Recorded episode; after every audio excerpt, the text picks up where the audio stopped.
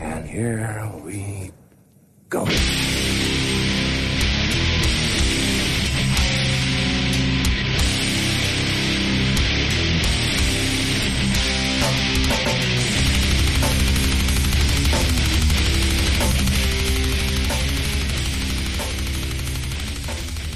Hej och hjärtligt välkomna till Nere på noll avsnitt 172.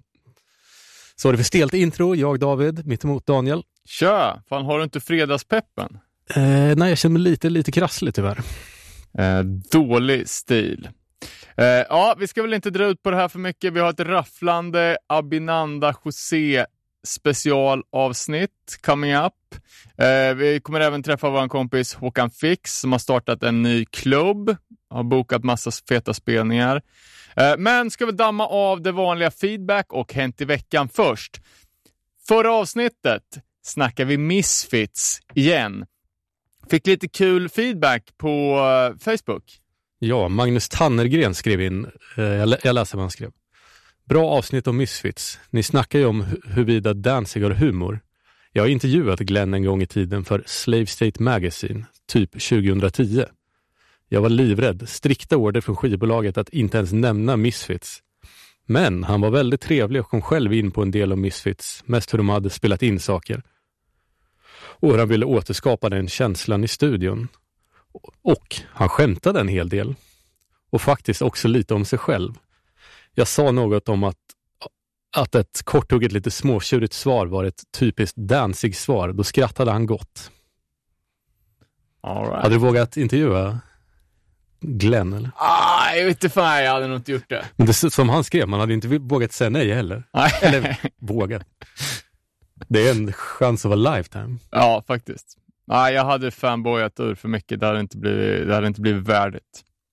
Eh, apropå inte värdigt då. Eh, vi fick lite feedback från Julian Ellis eh, om eh, det nya Misfits eh, och låten Helena som faktiskt konstigt nog är en av Misfits mest spelade låtar. På Spotify.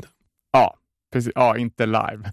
eh, eh, det eh, visade sig vara en ganska plagiat eh, rip, eller det visade sig vara en rip-off från den gamla Corrosion Conformity-låten Clean My Wounds från 94.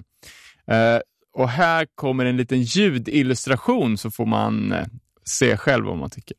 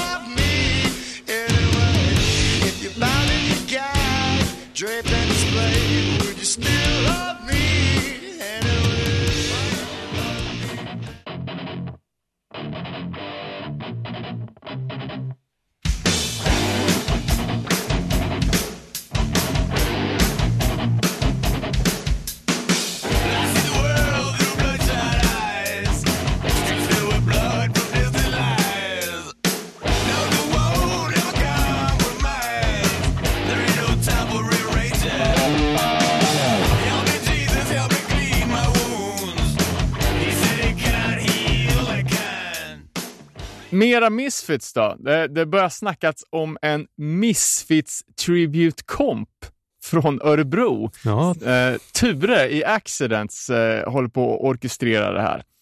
Får vi se vad som, vad som händer. Kan bli kul.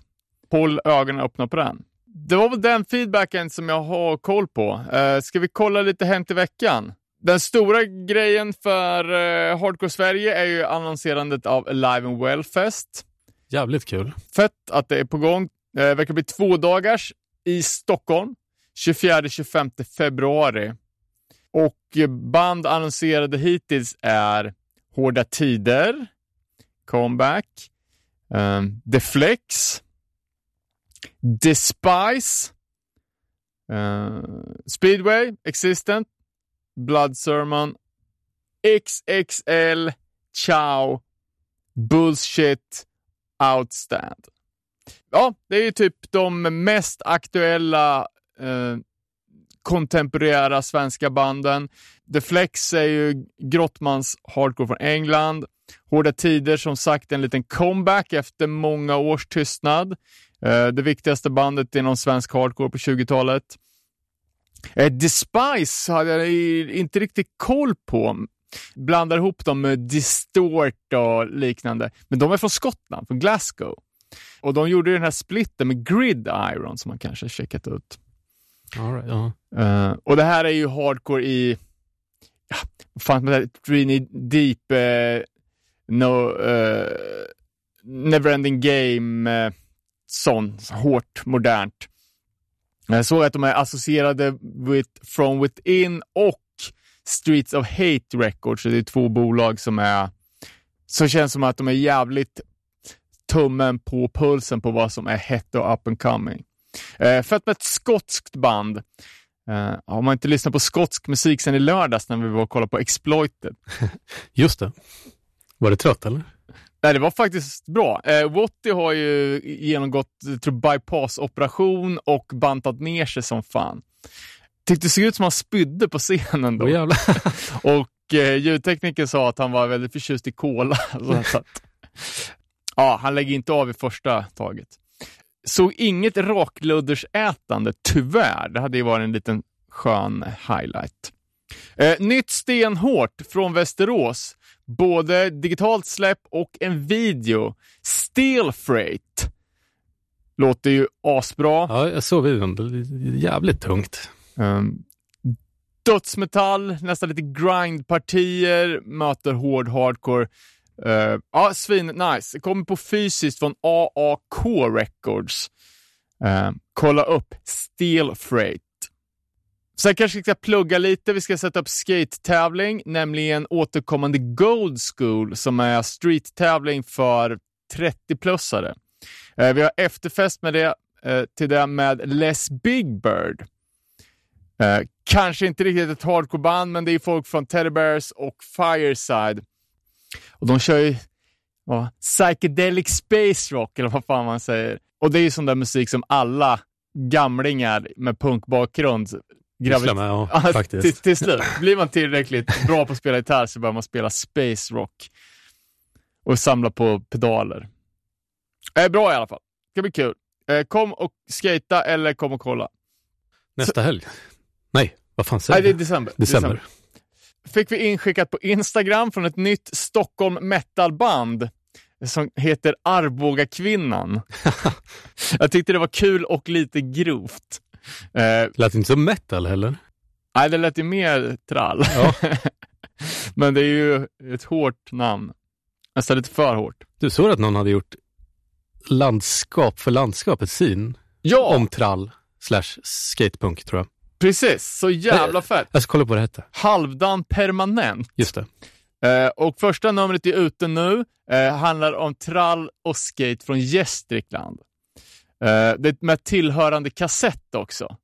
Och jag, jag, jag, måste, alltså jag är ju inte så mycket av en trallare eh, och inte så jävla mycket av en skatepunkare heller. Men jag bara älskar det här. Alltså, Har du, köpt, har du köpt den? Nej, fan, jag måste ju göra det. Eh, kompletisten i mig får ju liksom gåshud av det här nice med att bara, du vet, ruta in, bara här är alla band från första numret Gästrikland och sen så har man koll på dem. Liksom.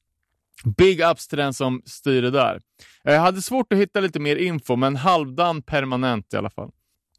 Eh, sen var det ju lite från eh, tidigare avsnitt. Jag nämnde ju Statement of Pride som ett nytt bra band. Och för någon vecka sedan så gick, gick de ut med att de har hookat upp med Youngblood Records. Jag trodde inte jag fanns Nej, längre. precis. De har återstartat nu för att släppa.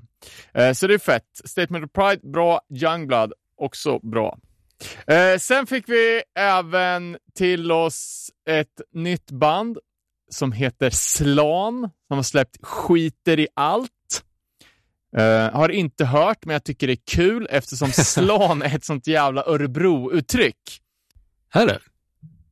Det kanske det är. Ja, Ja, jag inte- tror det. Alltså det, det. Det är som med alla andra uttryck så kommer de ifrån från Jallo som har plockat upp det från Onkel Konkel, spridit vidare till Millencolin som har spridit det vidare till andra. Så, Eh, så en person som skiter i allt är ett riktigt slan. Eh, kul bandnamn, kolla upp. Sen lite släppta böcker, både från Snapcase som har släppt Visual Archive. Kan vara värt att kolla upp, antar jag. Eh, och även Adrenaline OD, New Jersey-bandet, har släppt en bok. Fan, böcker är den nya alltså. Ja, men det är kul. Och sen då, eftersom Robin inte är här så får väl jag ta på mig att an- annonsera Ding Ding Merch. Allas våra favoritband Slayer har nu släppt en chokladkaka med företaget Chokolade. det, kan vara, det kan vara fake, jag vet inte. Förmodligen inte. Va? Ja. Hade du köpt den?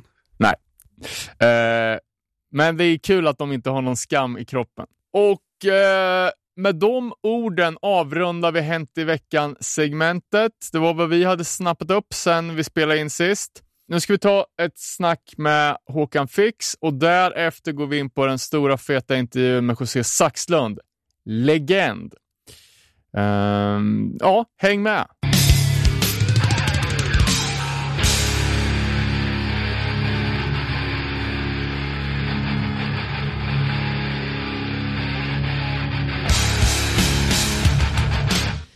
Yes, då sitter vi här med Håkan Fix eh, för att snacka lite om nya klubben. Klubb Fix. Välkommen! Tackar, tackar. Eh, vi har ju precis sett annonseringen för jävligt fet spelning. Det blir en andra i ordning. Jag tänkte bara, hur, hur, kom, hur kom tanken på att starta en klubb och varför i hela friden i Örebro? Jo, det var Ibbe, han som driver Satin, hörde av sig till mig och undrade, ja nu har ju deras sommar, liksom uteservering stängt och de vill dra igång och få, i, få in folk. Och då um, hörde han av sig och undrade om inte jag hade någon band som ville spela eller om jag visste några andra band som ville spela. Och då tänkte jag, ja man har ju spelat så jäkla mycket själv och det kan vara kul att dra igång något för att skapa intresse igen för rocken och live och kände att man ville, man minns ju Club Idiot när det begav sig på Satin. De har det ju varje fredag och man visste att ja, det är bra band och det är bra stämning Ja. varje gång. Även fast man inte känner till banden så vet man att det är kvalitet. Ja, nej, men jag tror det behövs återkommande grejer så folk ska få det i, i ryggmärgen att det, är, att det blir bra, även om man är... Och att man, det blir lite samlingspunkt för folk man ja, känner. exakt. Det blir ett mervärde. Ja, och just nu, det fanns ju mitt andra hem förut. Det visste man ju alltid var något. Och nu saknar man ju det där, ja men komma ut. Och särskilt nu efter pandemin så kicka igång och få, få folk att ut och leva igen. Och ha, och veta att det levererade bra musik, alltså även DJs som levererar och, och bra stämning. Eh, och spelningen som är på gång nu då, i november. Mm. Den eh, känns jäkligt fet.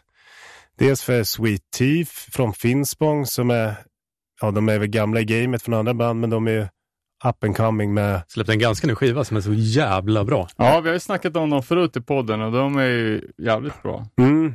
Nej, det känns jäkligt kul. De känns jäkligt hungriga också. De är väl hyllade i den här Little Stevens Underground Radio i Okej. New York och ja, det känns som att det finns ett stort intresse för dem och ja, bra bredd i musiken. Känns som att det är både kick-ass och eh, ja, känsla, melodier och Ja, ja, men jag håller med. Och sen teamar upp med Lowest Creature Mm. också. Det är ett sä- säkert kort, alltid bra. Ja, och jag tycker det är ju ett av mina favoritband här i stan.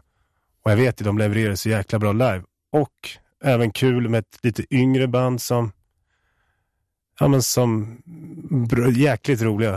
Eh, Och du snackade ju förut om också att du försöker hitta en mix mellan stilar, så att eh, alltså det är alltid en, en avvägning. Ja, Blir ja. det för spretigt så kanske ingen blir intresserad eh, och är det för stereotyp så kommer bara en.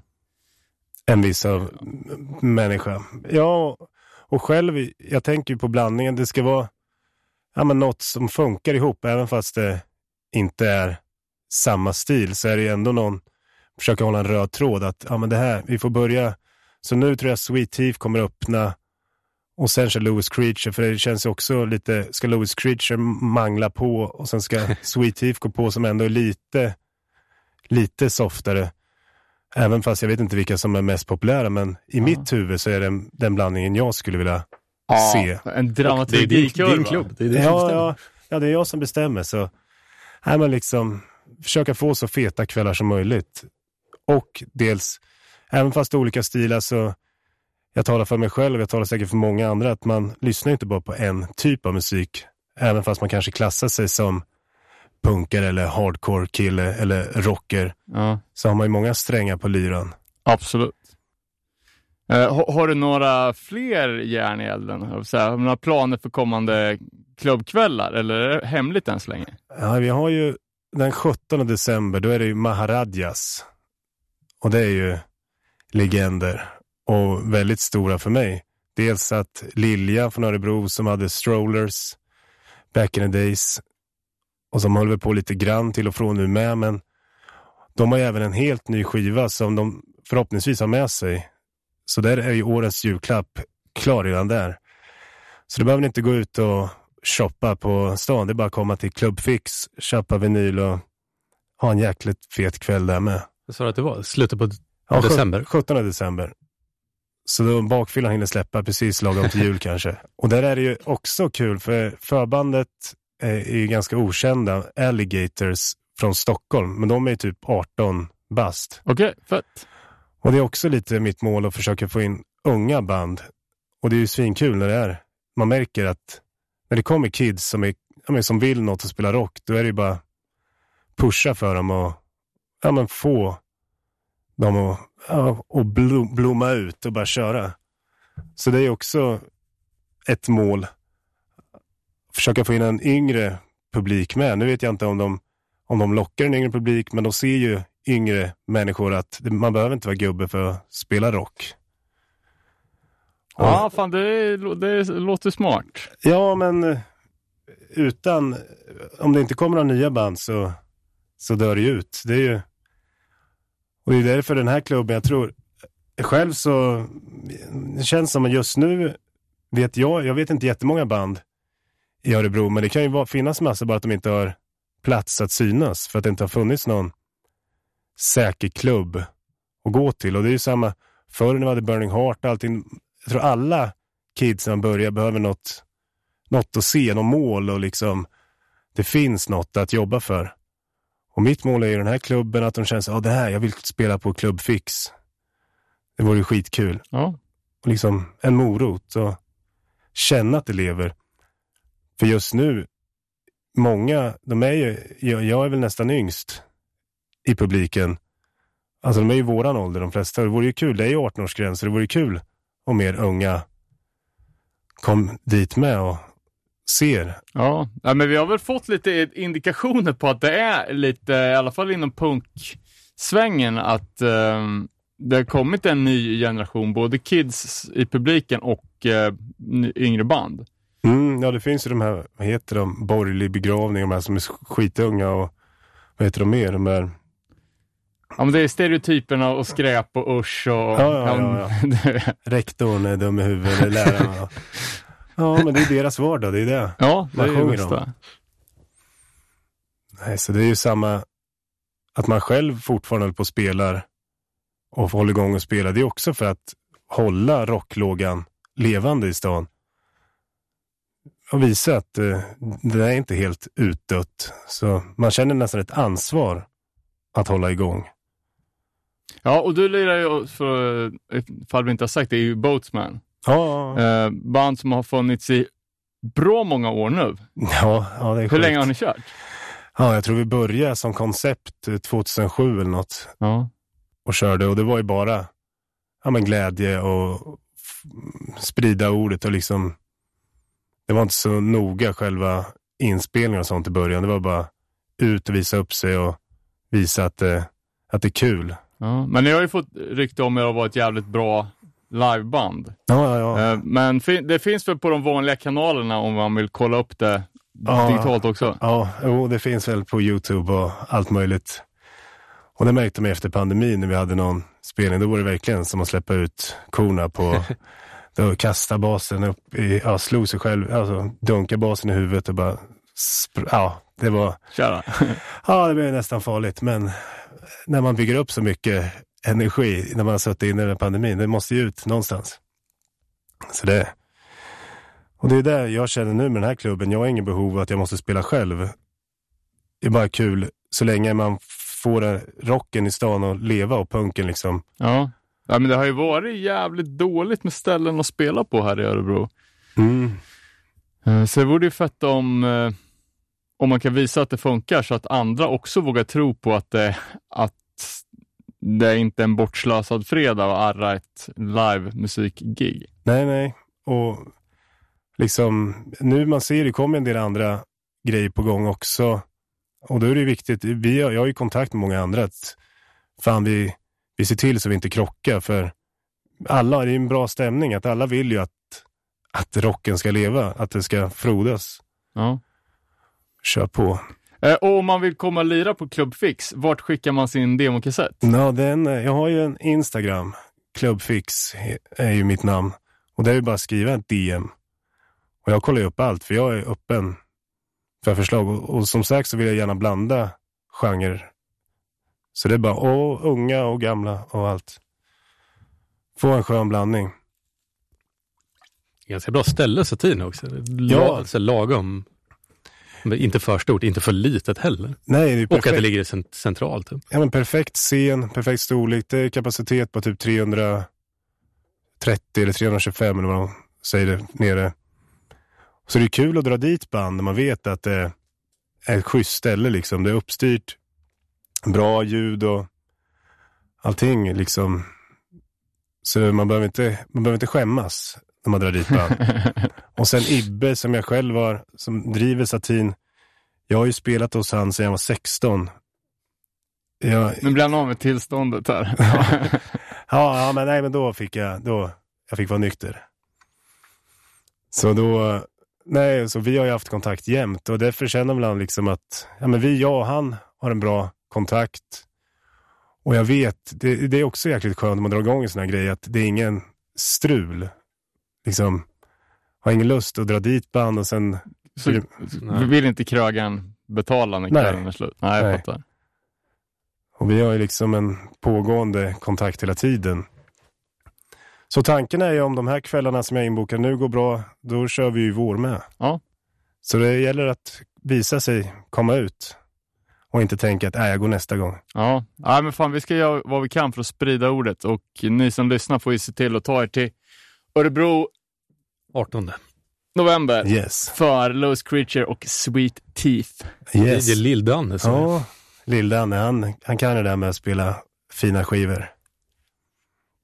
Det blir guld. Ja, men vad fan, då säger vi så. Tusen tack för att du kom in och tusen tack för allt det du gör för livescenen. Tack själv, tack för att du fick komma.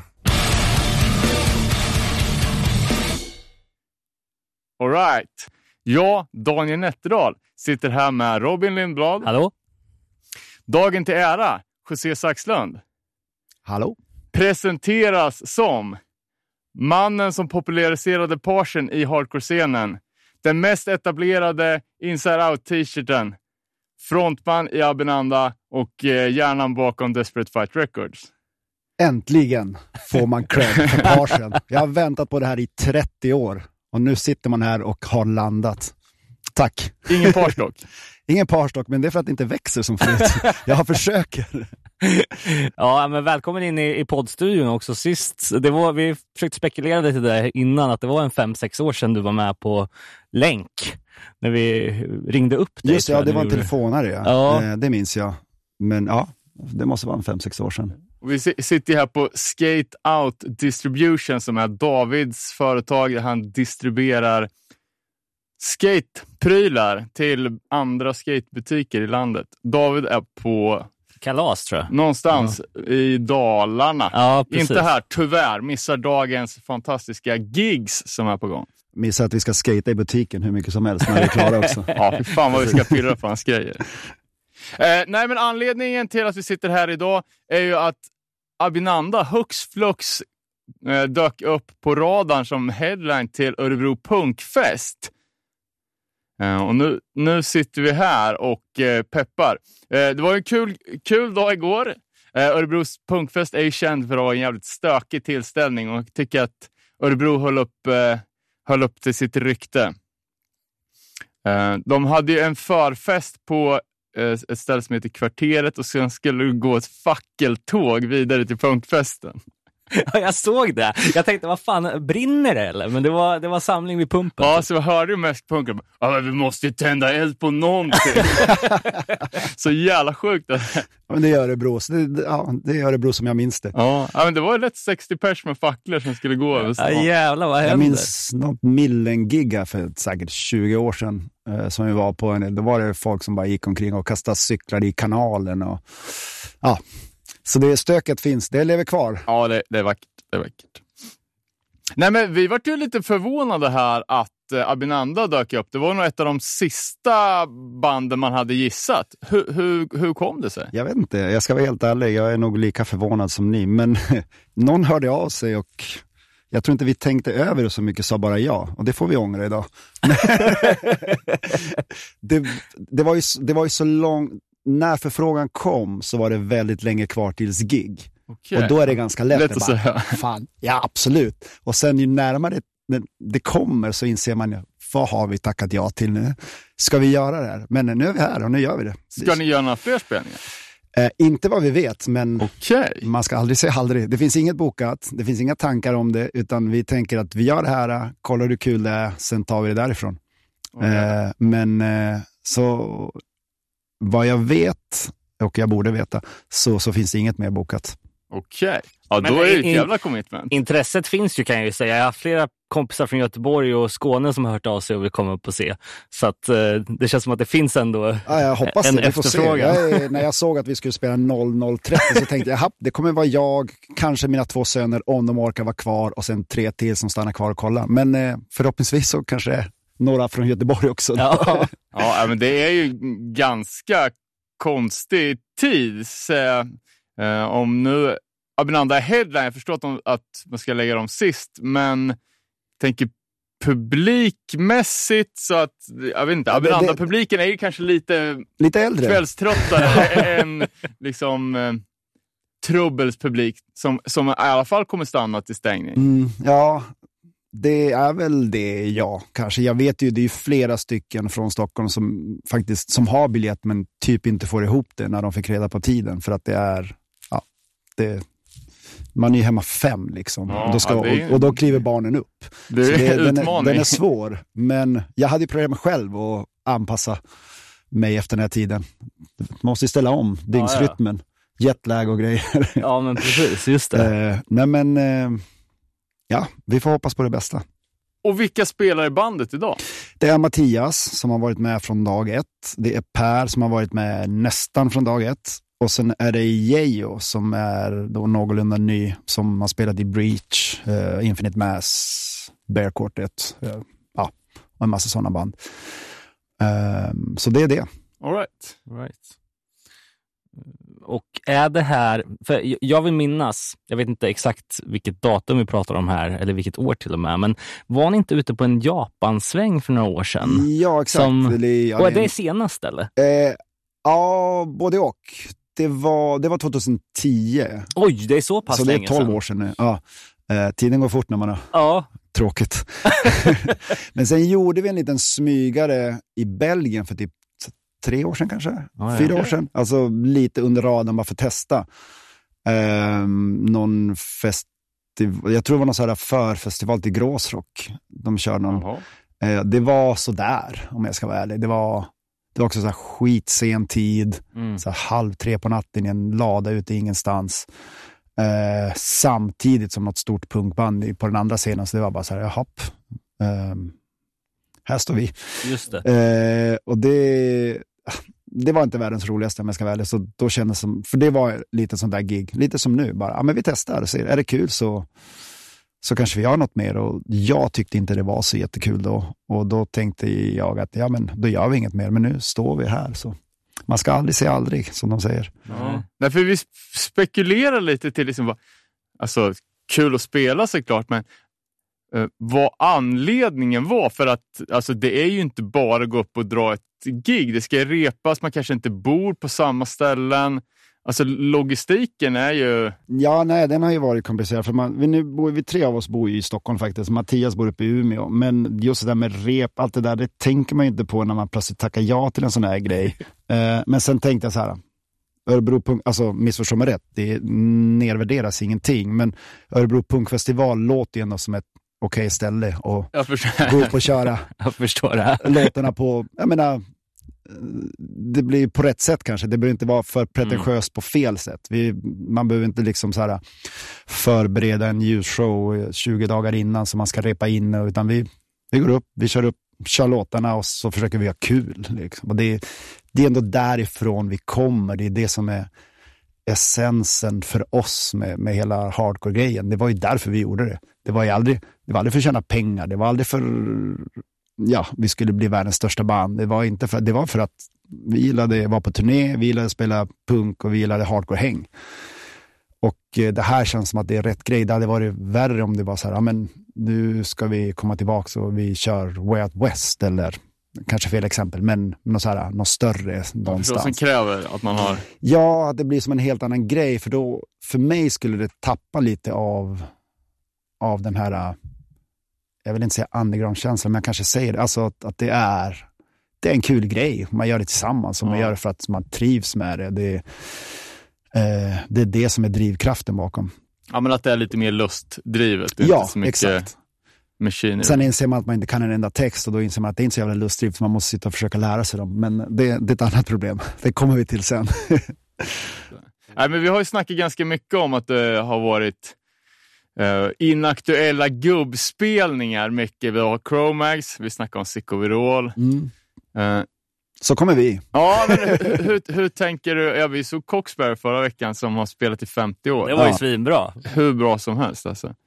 Nej, men jag tänker så här, har vi roligt och så är det tre personer till där som också tycker att det är kul, då är det värt det. Ja. Eh, sen eh, är det ingen där som tycker att det är kul, då kanske det bara så här, ja, vi försöker väl ha kul ändå, men man får ta allting. Ja, det här är lite fjantigt, för nu går vi in i de här äh, gubberi snacket som, som du ändå nämner. Jag satt och tänkte på det på väg hit, så här, äh, nu är man ändå nästan 50, men man har ändå varit med om jävligt mycket roligt. Eh, man har faktiskt haft turen kanske i livet att få göra massa roliga grejer och man är klar med ganska mycket. Så allt från och med nu och framåt, det ser jag som bonus. Mm. Så det här är en liten bonus och går vi upp där och har skitkul, ja fan, Ja. så jävla värt det. Går vi upp där och känns, alltså varför gör vi det här? Då får vi ändå försöka ha kul och sen inte göra om det förrän som fem, sex år igen. Ja. så, så det är lite det som är min inställning. Det är, eh, ja, Ja, jag, jag, jag fattar. Men det är lite som, som med skateboard också, att hardcore är en så pass ny företeelse så att det har liksom aldrig funnits en pensionsålder. Nej. För att de som var i scenen dag ett, de är fortfarande kvar. ja. Men när man var, alltså 1980 så tyckte ju folk att alltså, det kommer aldrig hända någonting efter, efter att man Nej. är 30. Nej. Men så Och så flyttas det jag, fram. sen såg jag ju, jag menar, Youth of Today i somras i Berlin. Och de har ju funnits sedan 80-talet. Ja. Och det var svinbra. Ja. Alltså så här, man kan tycka vad man vill, men jävlar vad de levererade i den sättningen också. Youth of Today med Walter och Sammy. Mm. Det skojar man inte bort. Ja, det var samma men- sättning som vi såg nu, Revolution va? ja, exakt. We're not in this alone-gänget. Ja, Mm. Så, så nej, och ja. Folk är fortfarande kvar. De som, Även de banden då som, som har hållit på. För sen, sen, sen tänkte jag fråga som, så här, eh, hur du resonerar kring ny musik. Det var ju lite av en snackis när det fantastiska bandet Alone in the Crowd, som har en felfri sjua, en av de bästa New York-singlarna från slutet på 80-talet, helt plötsligt bara släppa nytt material och skulle, jag tror de annonsera typ en platta som alla vart besvikna. Ja. Men då så kom jag också på att ni gjorde en ny låt. Inför Japan-grejen där ja. Är den släppt? Ja, den släpptes på, ja, vi gjorde ju någon sorts samlings-CD Ja, den var med där. eh, och där är den låten med. Ah, liksom. Det är som ett extra spår, men eh, eh, ska jag vara helt ärlig så har jag ingen aning vad låten heter, ingen aning hur låten Still går. United. Ja, så är det, just det. Det är eh, encore ikväll. Ja, nej. det är tyvärr, det kan jag inte lova. Eh, men, eh, ja, du vet, grejen är allting, säg från 96 och framåt, det har jag inget minne av längre. De tidiga grejerna sitter, men Ja, okej. ehm, när det gäller egna låtar, Ja. så, så, ja. Men ja, eller vad var frågan egentligen? Along Nej, the crowd. Nej, men, jag, det, Men- men- det men- men så- ja. Eh, så här, alltså jag, jag, jag hör vad du säger eh, och jag har i många år stått på den sidan också. Vad fan gör ni det här för? Det, här- det, ni har gjort så jävla bra grejer och så kommer ni med det här. Det finns ju många sådana exempel. Eh, många svenska band också, jag behöver inte nämna några namn, men eh, jag räknar med oss också. Ehm, men eh, samtidigt så här, vill de göra den här skivan, gör skivan. Tilltalar det någon så kul. Tycker folk inte om den, ja men det är deras problem. Är ni nöjda med den? Var nöjda med den. Och Ja. det, det låter lite flummigt, men jag är där i livet just nu. Den här Ja. PMA-grejen har tagit över. Ja, Men-. Ja, jag tycker att det är bra. Det är ganska behagligt istället för att gå omkring och vara arg och besviken på allt och alla. Eh, det är som så här, ja, men det är mång, många som kommer, och, och, eller många som säger, ja, men vad fan har ni gjort den här skivan nu? Förra var ju så mycket bättre. Ja, men lyssna på förra då, om det är den du tycker om. Alltså, ja, och låt folk göra det de vill göra. Men det är väl lite så att ju äldre man blir, känner jag i alla fall, ju mer, alltså mindre elitistisk i sina värderingar blir man ju i förhållande till sånt där. Ja, men, Alltså- ja, Man blir, man blir öppnare på något sätt. ja, men jag för- tror det. Jag tror att det är sunt också. Ja, Sen kanske är det, är det, det kan ju vara bra att ha den lite mer trångsynta synen när man är yngre för att man kanske liksom sållar ut saker på ett annat sätt och, och man kanske behöver det för att det kanske driver en framåt på något sätt. Men, men nu, att sitta och bara så här, tycka varför gjorde ni den där dåliga skivan? Det, men, ja, Det var det. det, det var det. Jag behöver inte lyssna på den. nej. Ehm, så, och sen det där kanske, eh, det här är ingen teori jag har, men det är någonting som jag kom på nu, att det kanske var värre förr när man ändå gick och köpte den skivan och la ner en massa pengar på den. Nu har man sitt förbaskade abonnemang på någon digital tjänst, då kan man gå och lyssna på det för du står ändå och betalar för. Eh, och då är det inte lika allvarligt om, ah, men det här gillade jag inte, och så kan man bara låta det vara. Men om man men förr var det lite mer, ja, men nu har jag lagt 180 kronor, som på den tiden var jävligt mycket pengar, eh, på den här dubbelvinylen. Och jag gillar den inte, men jag ska fan i mig lyssna på den tills jag börjar gilla den, för jag har betalat för den.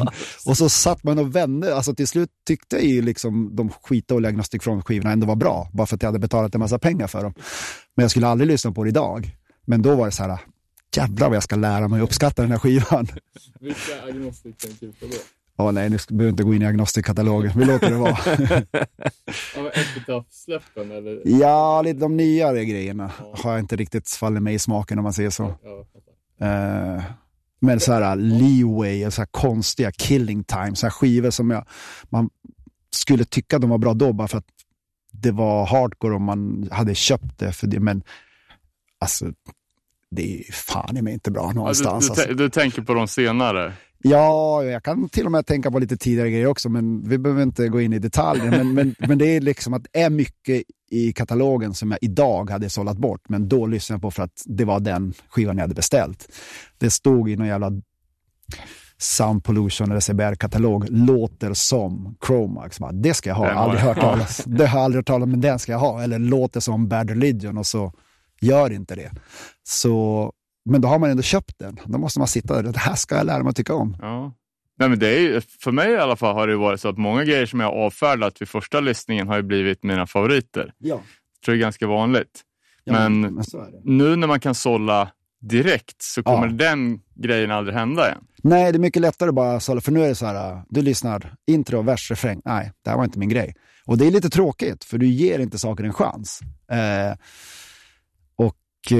men det är vad det är. Det, det har blivit lite mer, men det är som, som, som med allt idag, all, alltså folks attention span är så jävla kort. förr i tiden så hade man, då satte man sig ner med den där skivan och satt och vände på den flera gånger. La tre timmar på att sitta framför sin stereo och lyssna på skiten. Eh, nu är det verkligen att 22 sekunder, sen skippar du låten. Ja. Och sen är det, du kommer aldrig mer gå tillbaks till den. Eh, och det känns som att det är någonting som går, liksom, det är generellt så. Mm. dagens kids, de har inte ens haft det där att de la ner två, tre timmar på någonting. Nej. Utan för dem är det, det är 10 sekunder TikTok, sen är den stunden över. Sen går vi till nästa 10 sekunders TikTok-period. Ja, fatta vad konstigt att berätta för en, liksom en tonåring nu att man hela tiden satt och lyssnade typ en timme i sträck på en skiva som man inte tyckte var något bra. Ja, nej, det, det för var att den skulle... Ja, men för, jag att skulle, för att man skulle tycka den var bra till slut. Eller att man satt och lyssnade på en jävla, jag vet inte, Four Walls Falling 7 som man var tvungen att gå fram till skivspelaren och vända efter två låtar. Sen vända igen.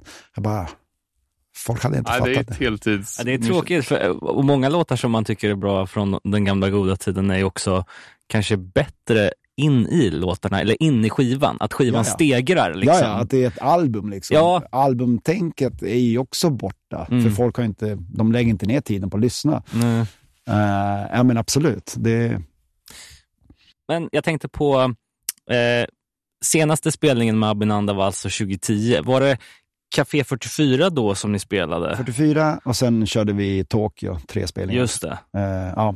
Men det är inte så att du har varit inaktiv inom hardcore sedan dess? Alltså, för du har väl haft ett Göteborgsbaserat band som ni kört med? Out of Vogue. Ja, exakt. Just det. Ja, vi till och med släppte en skiva. Ja, Vi skrev den, spelade in den på en och en halv dag tror jag. åh jävlar. Eh, två dagar kanske.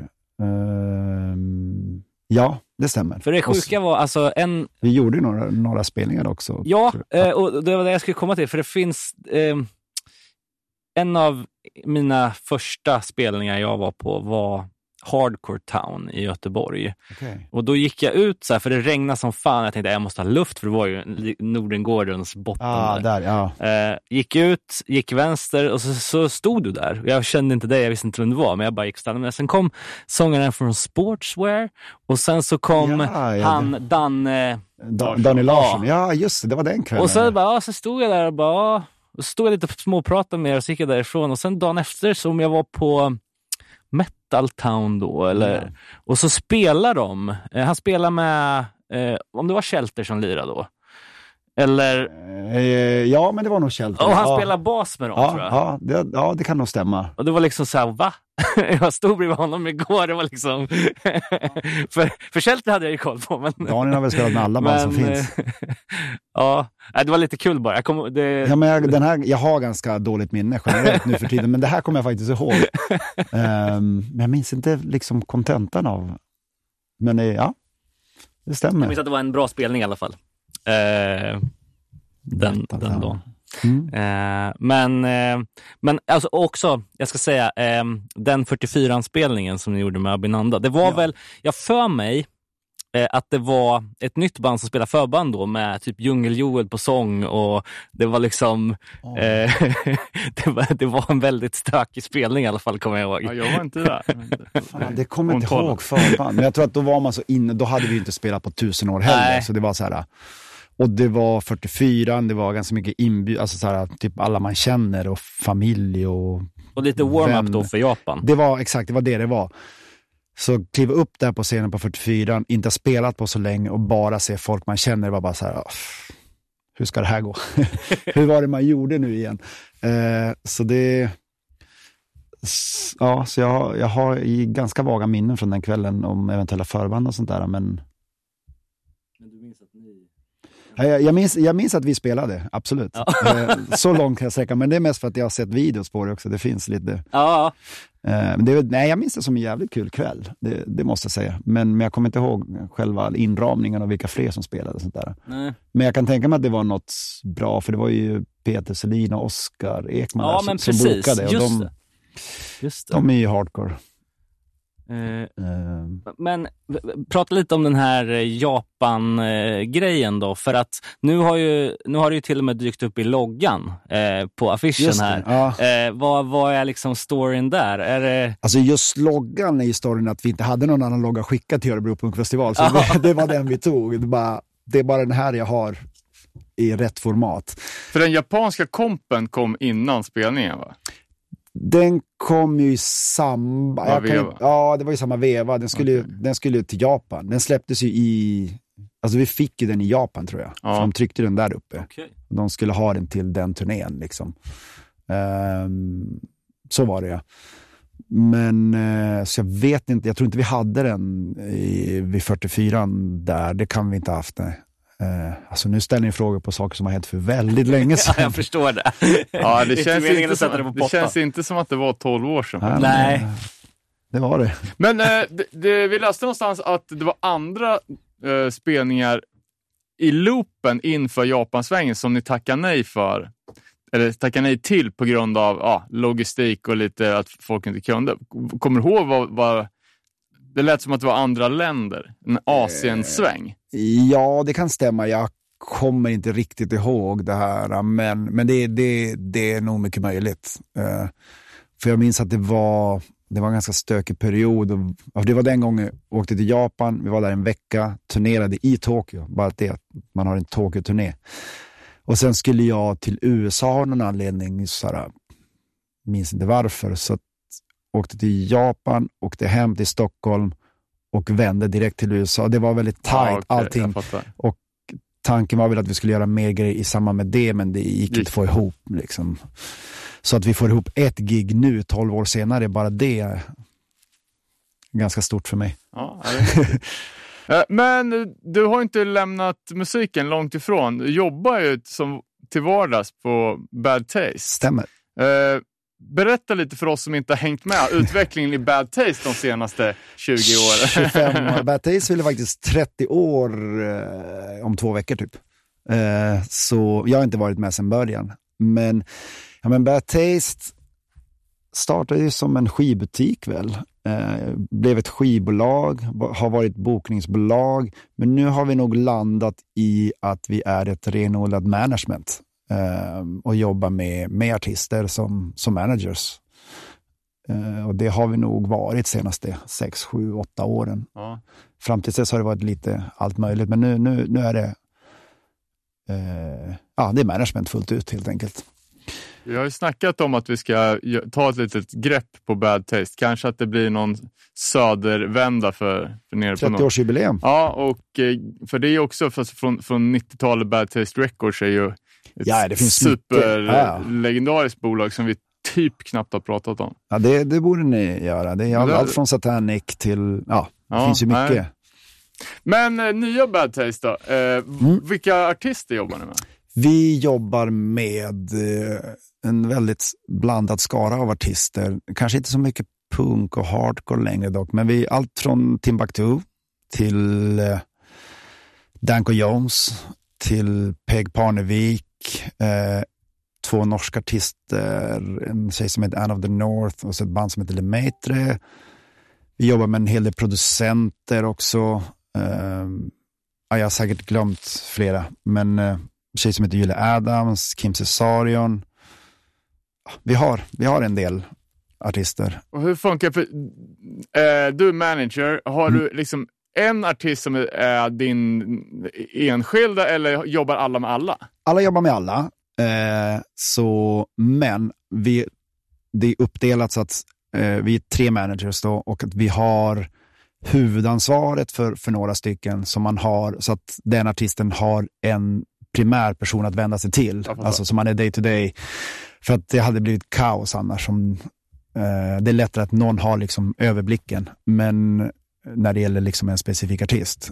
eh, det hade varit jobbigt om, säg Jason hör av sig till en om en sak och sen till någon annan om något annat. Och så blir så, så vi sitter ju och har gemensamma möten, eller vad man ska säga, om alla artisterna och vi, eh, ja, alltid kreativa gör vi allt åt alla, men sen den dagliga kontakten är det någon specifik som, som håller med, med respektive artist. Och vilka hänger du med? Just nu är det då Peg Parnevik och Julia Adams och eh, ja. Ehm, mm. Och hur, jag vet inte, vad, vad gör en? med- Du skriver bara kontrakt och, och limo eller? Jag åker inte så mycket limo. Det, vi är fortfarande ett punkbolag. Eh, men eh, ja, kontrakt skrivs.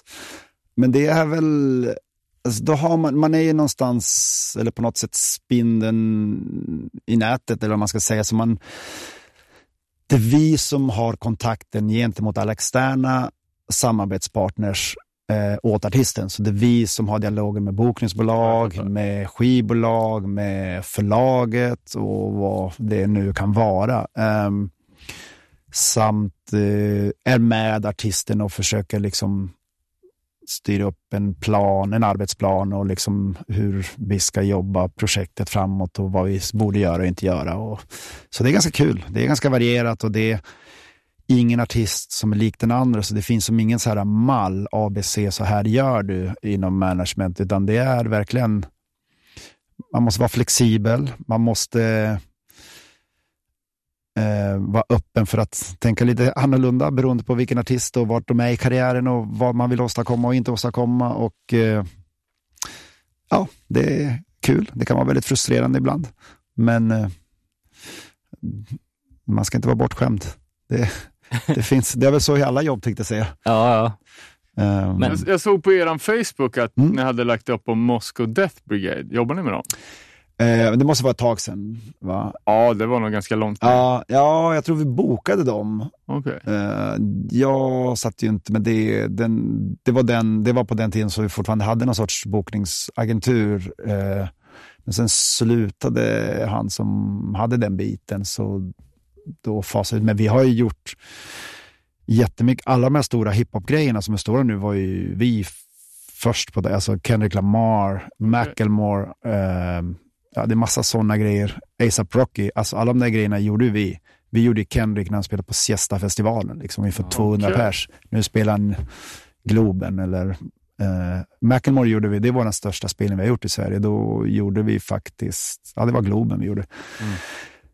Men, men den biten är mer eller mindre historia nu, förutom att det finns ett par artister som vi fortfarande gör om de vill och det är Immortal Teknik, Okej, hiphopare från Nytt, Oh, jävlar. NoFX. Legend. no effects också. NoFX. Men NoFX, ja, vi får se hur. Ja, har du hört att de ska... Ja, jag har full koll på det. Så, så, så det, inte, det tror jag inte blir så mycket mer spelningar. Men, men de, de grejerna har vi fortsatt att göra, även, Ja. även fast vi bara är renodlat management, så, så är det några sådana hjärteprojekt som vi håller kvar vid. För att det finns en bra relation. Men är det så att några av de artister som ni har eh, släpper fysiskt material också? Eh, alltså i form av eh, vinyl? Ja, men det är det. De här äh, norska bandet som heter Lemeter, de, deras senaste, och det säger jag, jag tar upp just dem för att när jag kom till kontoret igår så hade vinylen kommit in så hela ingången var fulltäckt med kartonger. Jag bara, vad är det här? Och då, ja, men det är vinylen som har kommit.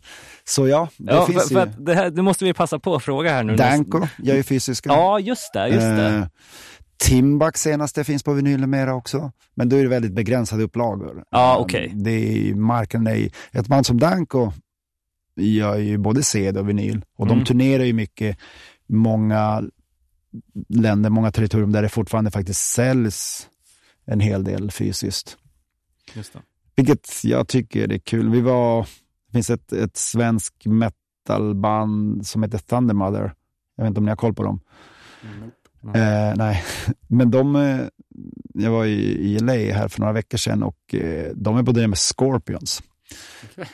Så vi gick och såg dem, för de, de, är, de är från Sverige. De, eh, De supportar Scorpion. ja, de supportar Scorpions. jäklar. Ehm, och, eh, och de berättar, och de har CDs med sig, och de berättar att vi säljer så här 50-100 CDs per kväll. Liksom. Mm. Och jag bara, fan vad grymt.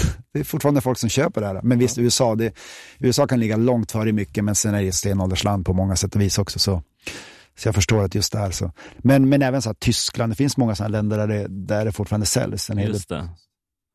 Länder som kanske liksom har den där skivläsaren i bilen fortfarande. Ja, I mångt och det, mycket. ja, ja, men verkligen. Kan man tänka sig. Ja, man ska vara. Ja, för det kommer på, vad, vad skulle jag göra med en CD-skiva? Jag bara, ingen aning. Alltså jag har verkligen ingen aning vart jag skulle stoppa in den någonstans. Nej, exakt. Det- Nej, för det går inte att stoppa in den i datorn nu för Nej, tiden heller, för det liksom. kunde man ett tag. eh, och i bilen definitivt inte. Um, och CD-spelare hemma har jag inte. Nej. Det räcker med att man bara går och håller dem då och tittar på dem. Jo, Ställ då upp är, det för roligt, olika- då är det roligare med vinylen tycker Ja, jag. du måste ha båda. Så var det Men, eh, länge. nej, men för att vi, vi har ju hört mycket om just det här med vinylpresserierna och det har Ja. varit mycket fram och tillbaka med väntetider och sådär. Ja, det var en katastrof. Eh, ja, för det var det jag tänkte fråga dig. Du som har insyn i andra musik, eller folk som släpper större volymer än 100 punksinglar. Ja. Liksom. Nej, men det är så här, det är 68 månaders leveranstid. Jag vet inte om det är bättre nu, men det har varit det ganska länge. Framförallt under pandemin här. När det har varit svårt att få fram material och eh, ja, ja, det, det har varit kaos. Jag är inte själv superinblandad i, i någon av produktionerna kring de fysiska grejerna, utan det är, det är en annan kille hos oss som, som gör det. Men jag får alltid höra liksom på mötena, bara, nej men det, det är sex månader innan de kan leverera. Ehm, så det, det är svårt att planera, för du går ju mycket, allt går ju mycket snabbare idag. Idag eh, släpps ju oftast en skiva bara tre veckor efter den är färdigmastrad. Liksom. Mhm. Så var det ju inte förr, i och med att man kan bara få ut den digitalt så snabbt. Eh, och att då tajma med vinylen, det är i stort sett omöjligt. Så den brukar ju oftast komma ett halvår senare. Mm. Eh, Men eh, i eh, musik, liksom den stora musikbranschen. eh, ja, men om man inte bara snackar våran lilla konstiga subkultur. Liksom, har artisterna eller musikbranschfolket någon aning om vad hardcore är? Typ, Peg Parnevik, vet hon vilka, eller har hon hört talas om Youth of Today? Ja, för att jag har pratat med henne om det. Ja. Och, och just Peg är ganska cool, för hon är ju, hon är väldigt, alltså hon kommer ju, när vi var i, alltså hon älskar ju så Blink, och hon, är alltså hon älskar alla de skatepunkbanden, det är, hon är ju Så hon är stort, stort uppfödd i LA? Hon är typ. i Miami, ja. eller Florida. Ja, Florida, ja. ehm, så, så hon har ju hela den, liksom emo, eller vad man ska kalla, eh, den scenen älskar det. Vi, ja.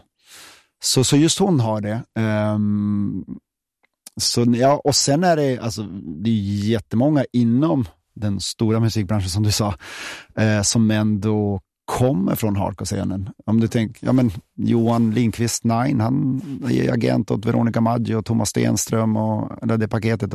Oskar Ekman också från Nine, han har ju Yang Lean och hela det gänget och det finns ju många inom branschen som ändå Alla har från Burning. Heart är kvar i Ja, musikbranschen. Seika som jobbar på Burning Heart, han sitter ju och bokar uh, massa stora utländska akter. Ehm, så det finns en medvetenhet, det gör det. Alla har ju inte koll på det, men, men många.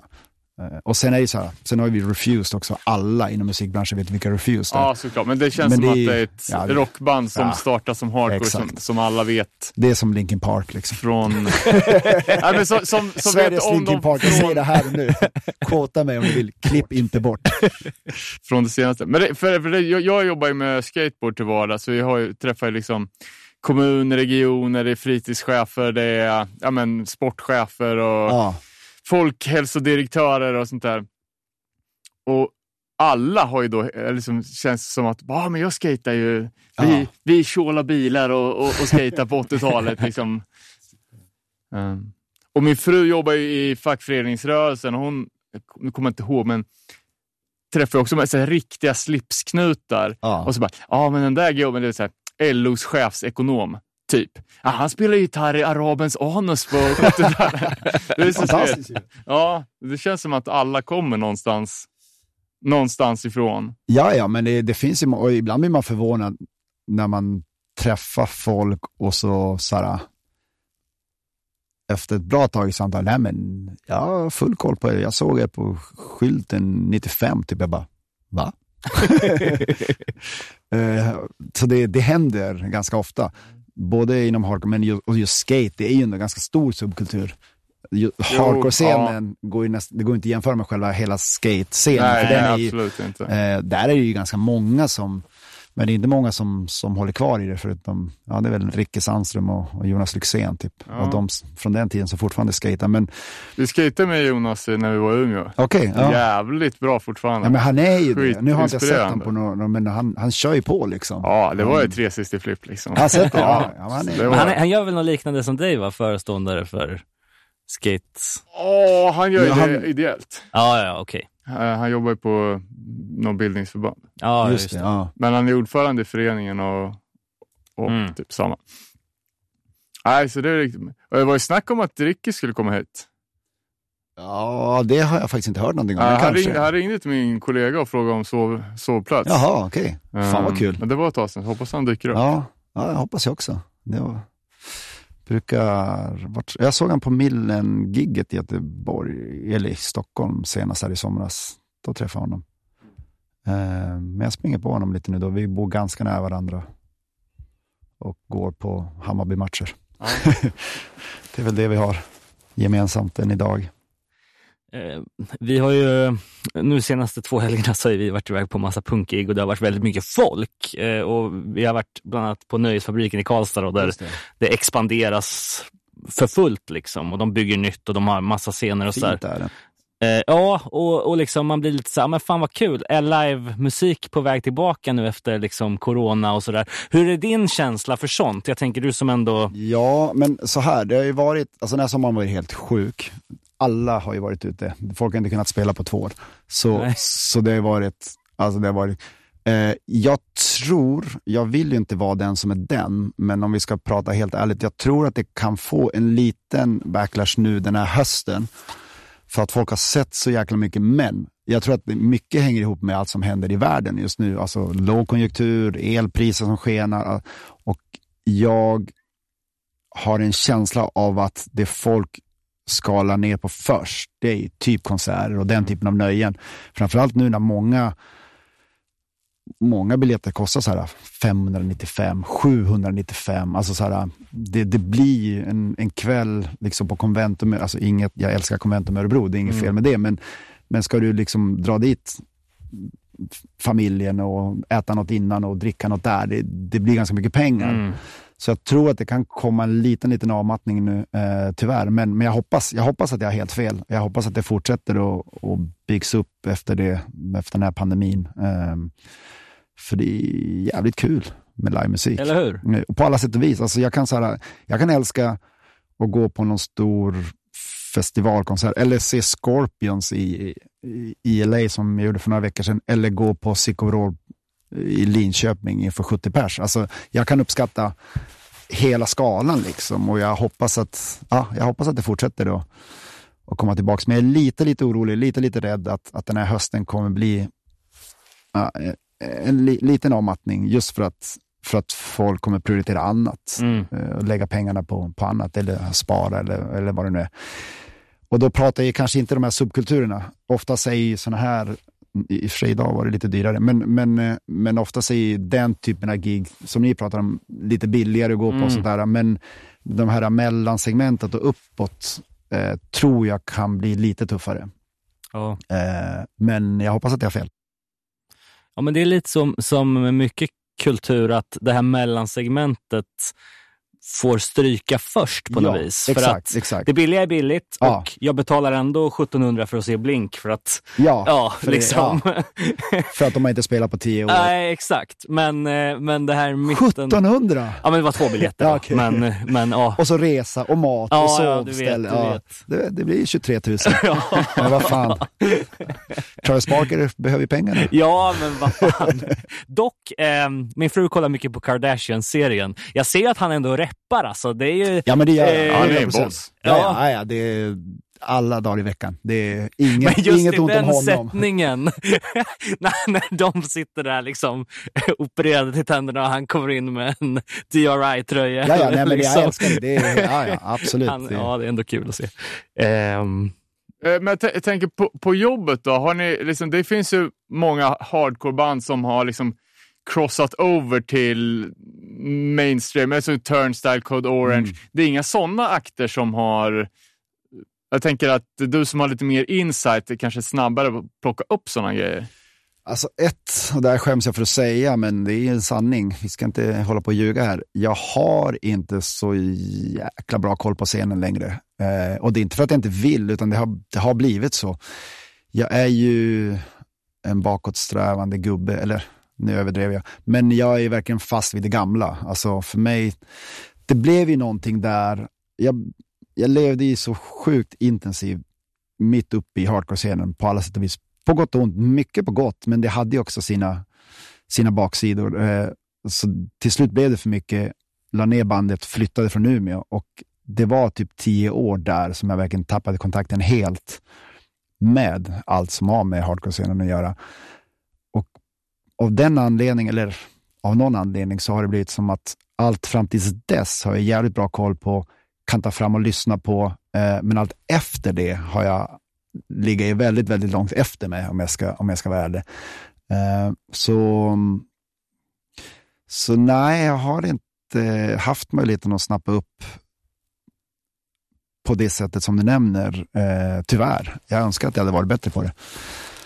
Eh, jag missade till och med Törnstrand nu när de spelade i, i Stockholm också. Det var ju fruktansvärt, för det ska tydligen ha varit skitbra. Men ehm, ja, det är lika bra att vara ärlig här. Nej, men Babs brukar ju höra av sig till mig och som validera olika saker. Typ Powertrip, är de heta?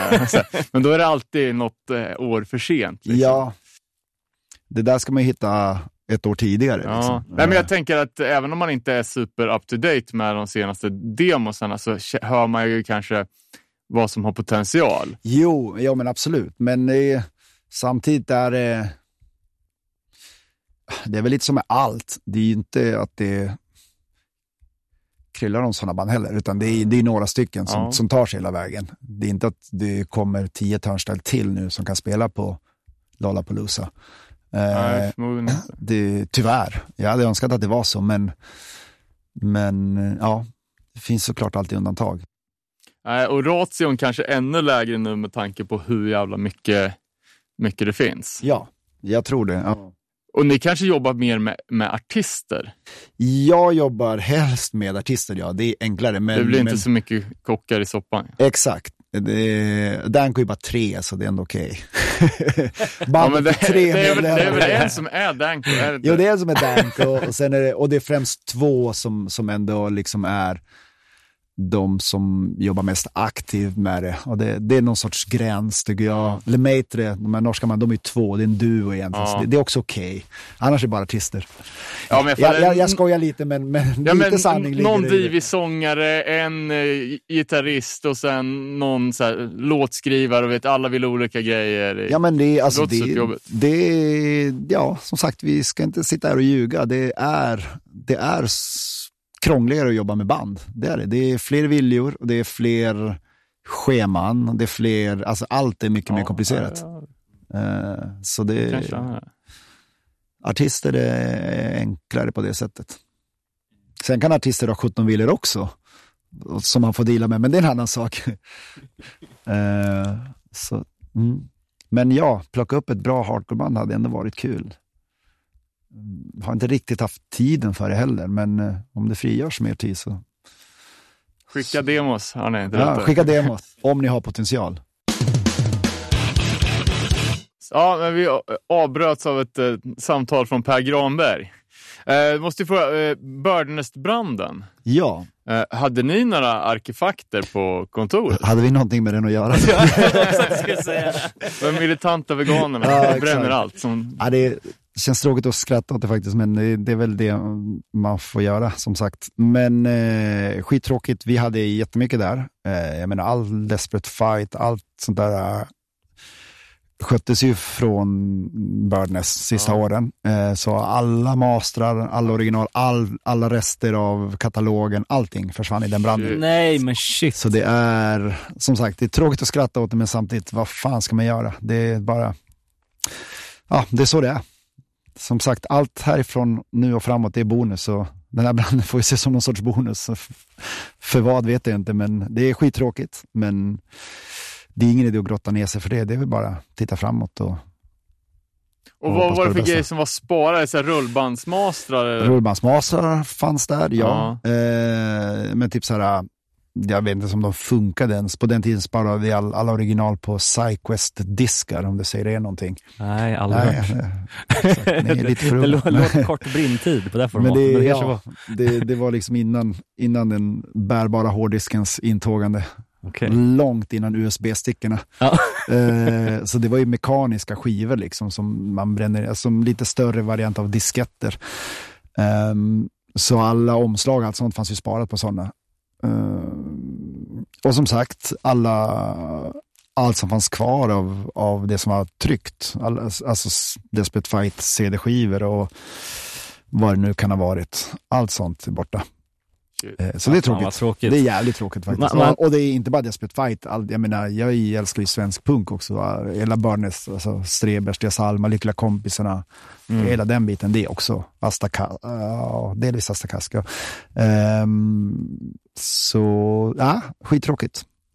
För jag, vet, jag minns när vi var i, i Linköping för några år sedan och pratade med Gaphals som har kontor där, Just eh, ja. bolaget.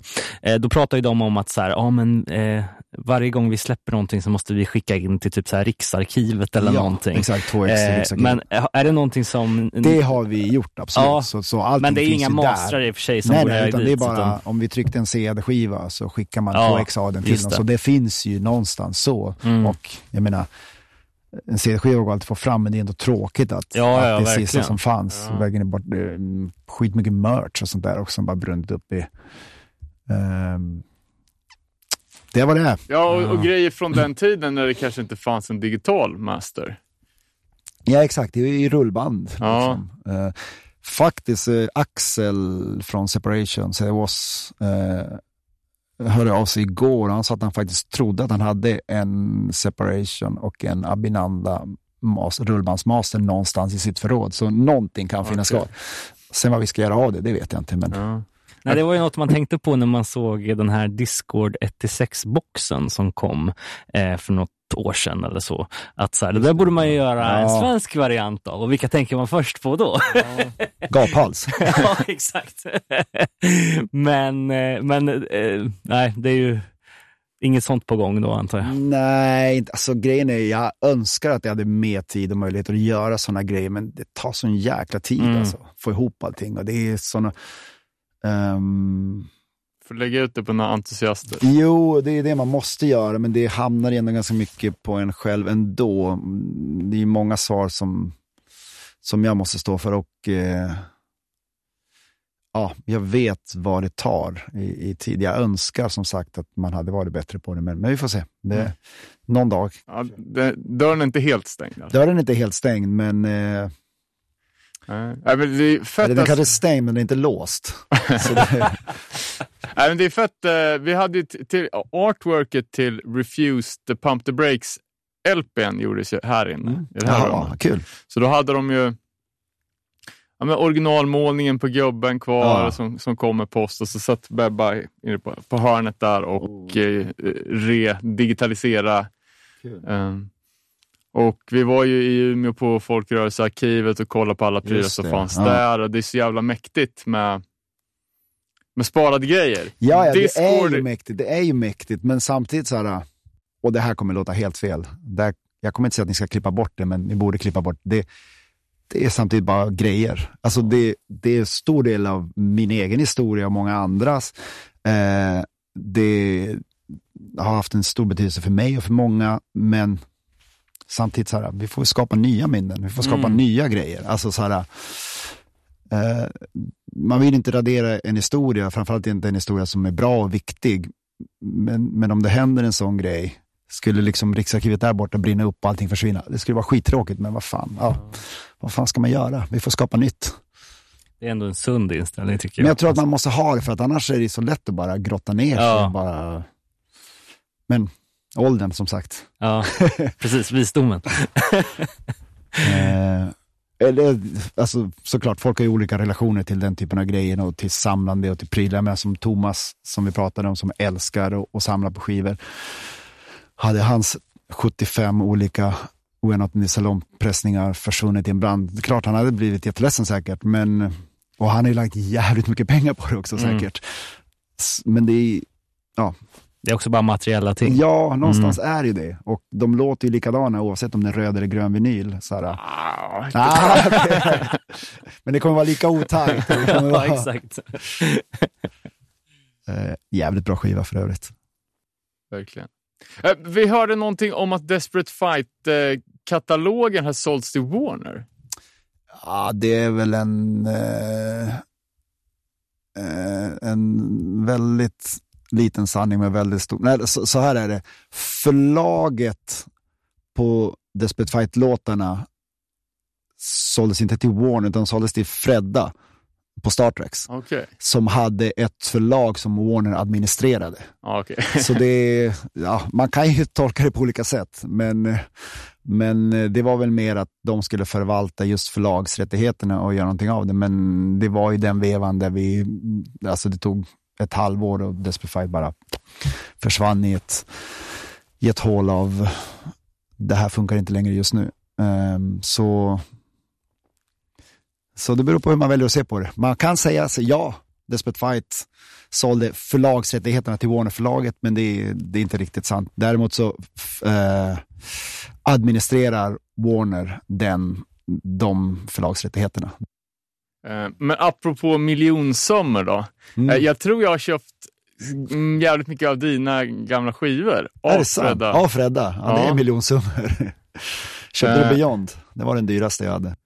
Nej, men jag köpte Crippled. Jag har, jag har listan här. Det är, det är mycket grejer. Fan, jag vill, alltså... Ja. Ja, det jävligt mycket fina grejer ändå. Crip, ja, Crippled Youth, sjuan. Ganska många mellanplattor av Seconds. Resurrection, American Standard, det- Life Sentence. Som du har haft på t-shirt så många gånger. det har jag haft. Four, war, four, four Falls Falling. Walls Falling. Jävligt bra. Men det är bara, det är bara ting. Jag ska vara helt ärlig. Jag sålde hela den, sam- alltså så här.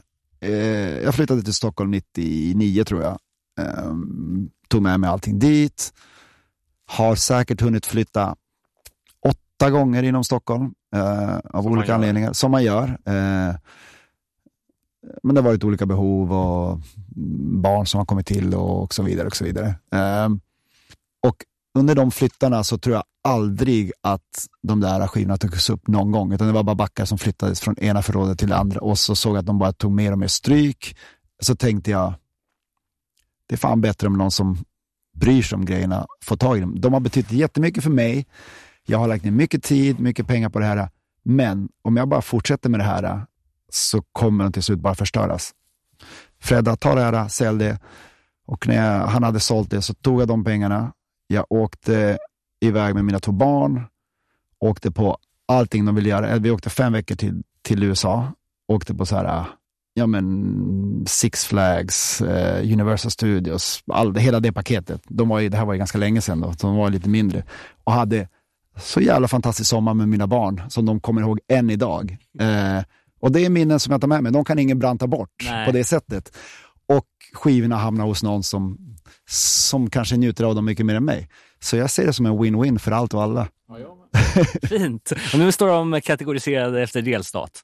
Korrekt. Helt rätt. Nej, men det, det var så kul för att eh, det var ganska mycket obskyra grejer också. Det är inte superofta sådana grejer kommer upp på, det var från Discogs, Ja.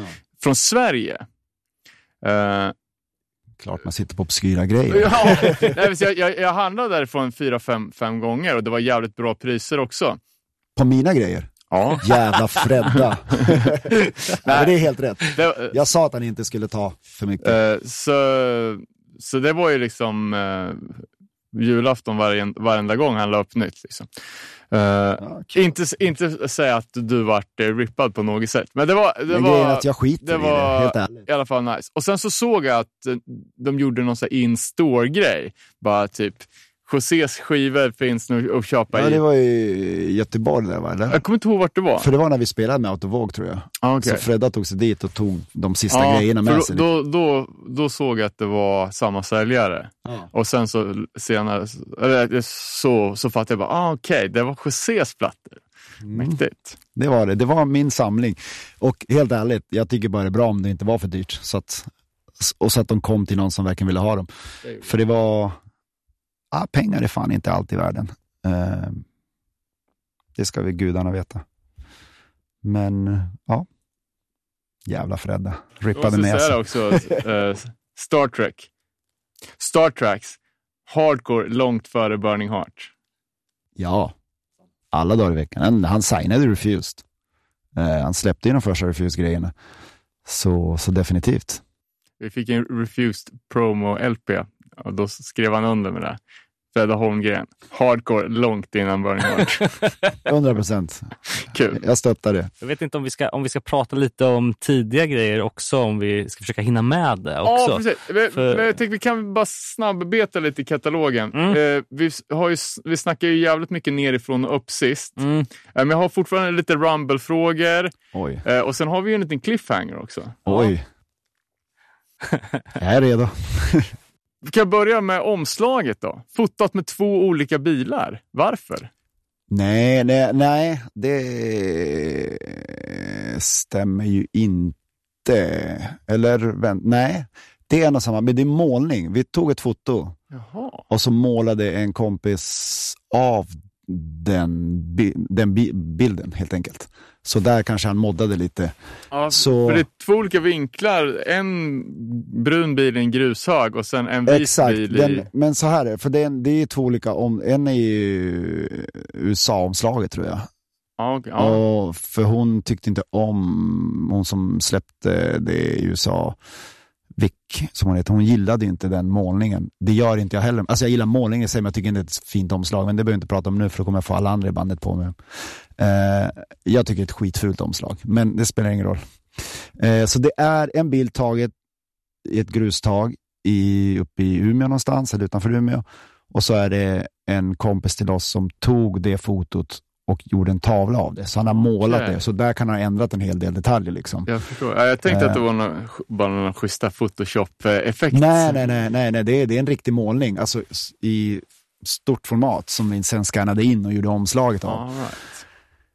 Ehm, så ja, så det på den vägen. Och sen tror jag att när hon gjorde omslaget för releasen så gillade hon inte målningen så tog hon bara bilden rakt upp och ner och gjorde ett omslag av det. Så det blir två olika omslag. Och det såg vi inte för sen var släppt. Så vi kunde inte göra så mycket åt det. Um, överkörda skivbolaget helt enkelt. För jävligt. Eh, men apropå vikt då. Eh, låten Junior. Eh, uppkomsten till, till texten som Abris skrev. skrivit den. jävligt hardcore text, måste jag säga. Men det var ju då att eh, Vic som- var, var det bokare i USA? Eller? Nej, Vic, ja, hon bokade oss i England. Ja. Eh, men eh, i USA så släppte hon, jobbade ju för Revelation, så den släpptes ju på hennes etikett distribuerad av Revelation på något sätt. Ehm, så där var en skivbolag. Ja, hur som helst hade jag i alla fall fått ett brev som eh, snackade ner Avinanda. Ja, En riktig backstabber. exakt. Vem var det? Eh, en kille från, inte från Umeå ursprungligen, jag tror han är från Linköping kanske, men som flyttade upp till Umeå. Ehm,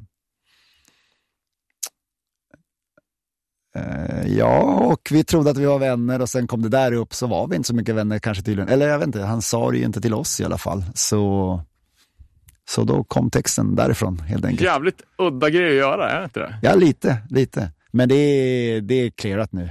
Luften är rensad. Okej.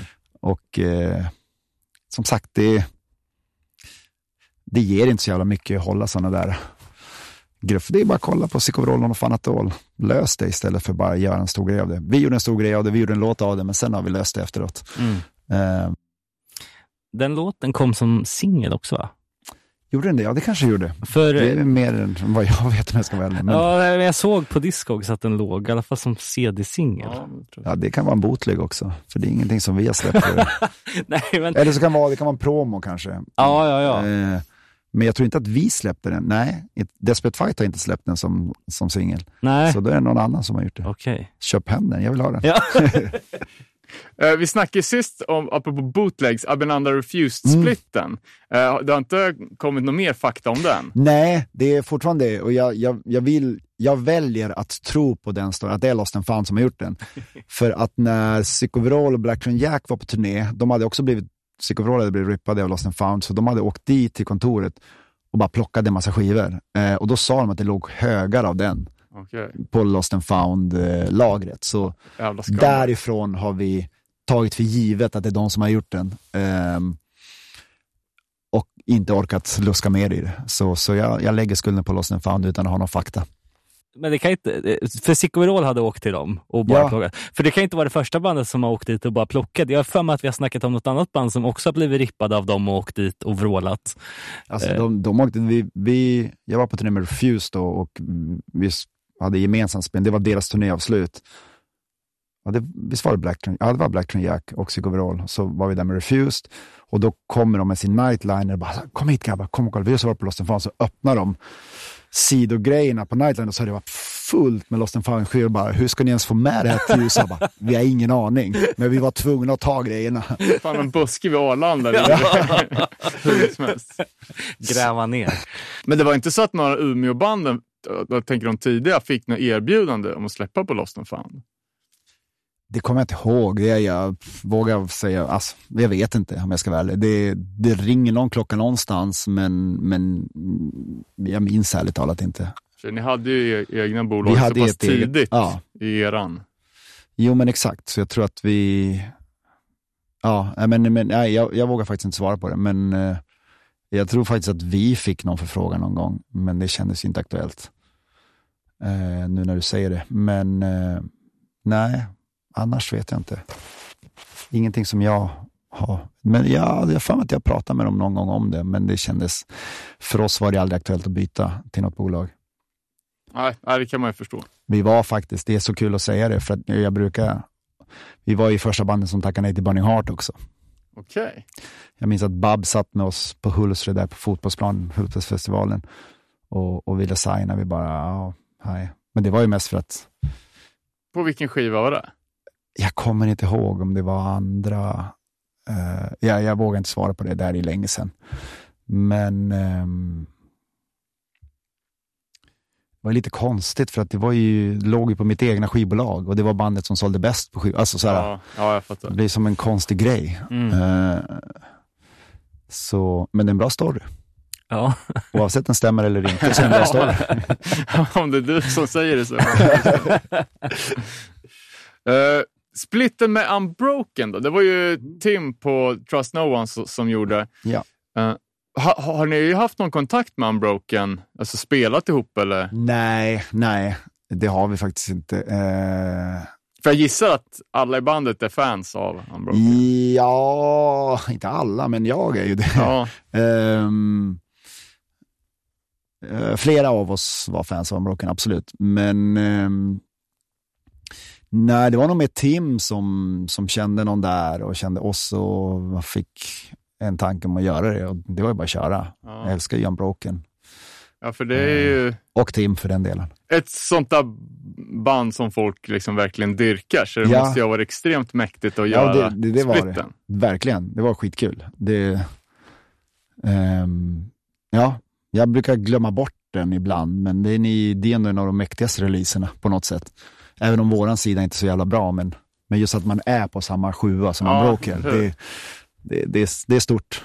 Nu kommer jag bara att tänka på den Brightside Unbroken, Lost and found bootleg 7. Ja, nej, den, eh, något då är det ju annat. mäktigare att ha en, en officiell exakt, exakt. split 7. Eh, men valet av Stray Cats-låtar, bra band, eh, men lite otippat kanske. Hur, var, var fick ni den ifrån? Det var nog Mattias, våran finska basist som är rockabilly-kille också. Det, det kommer nog från honom. Eh, Men jävligt bra låt.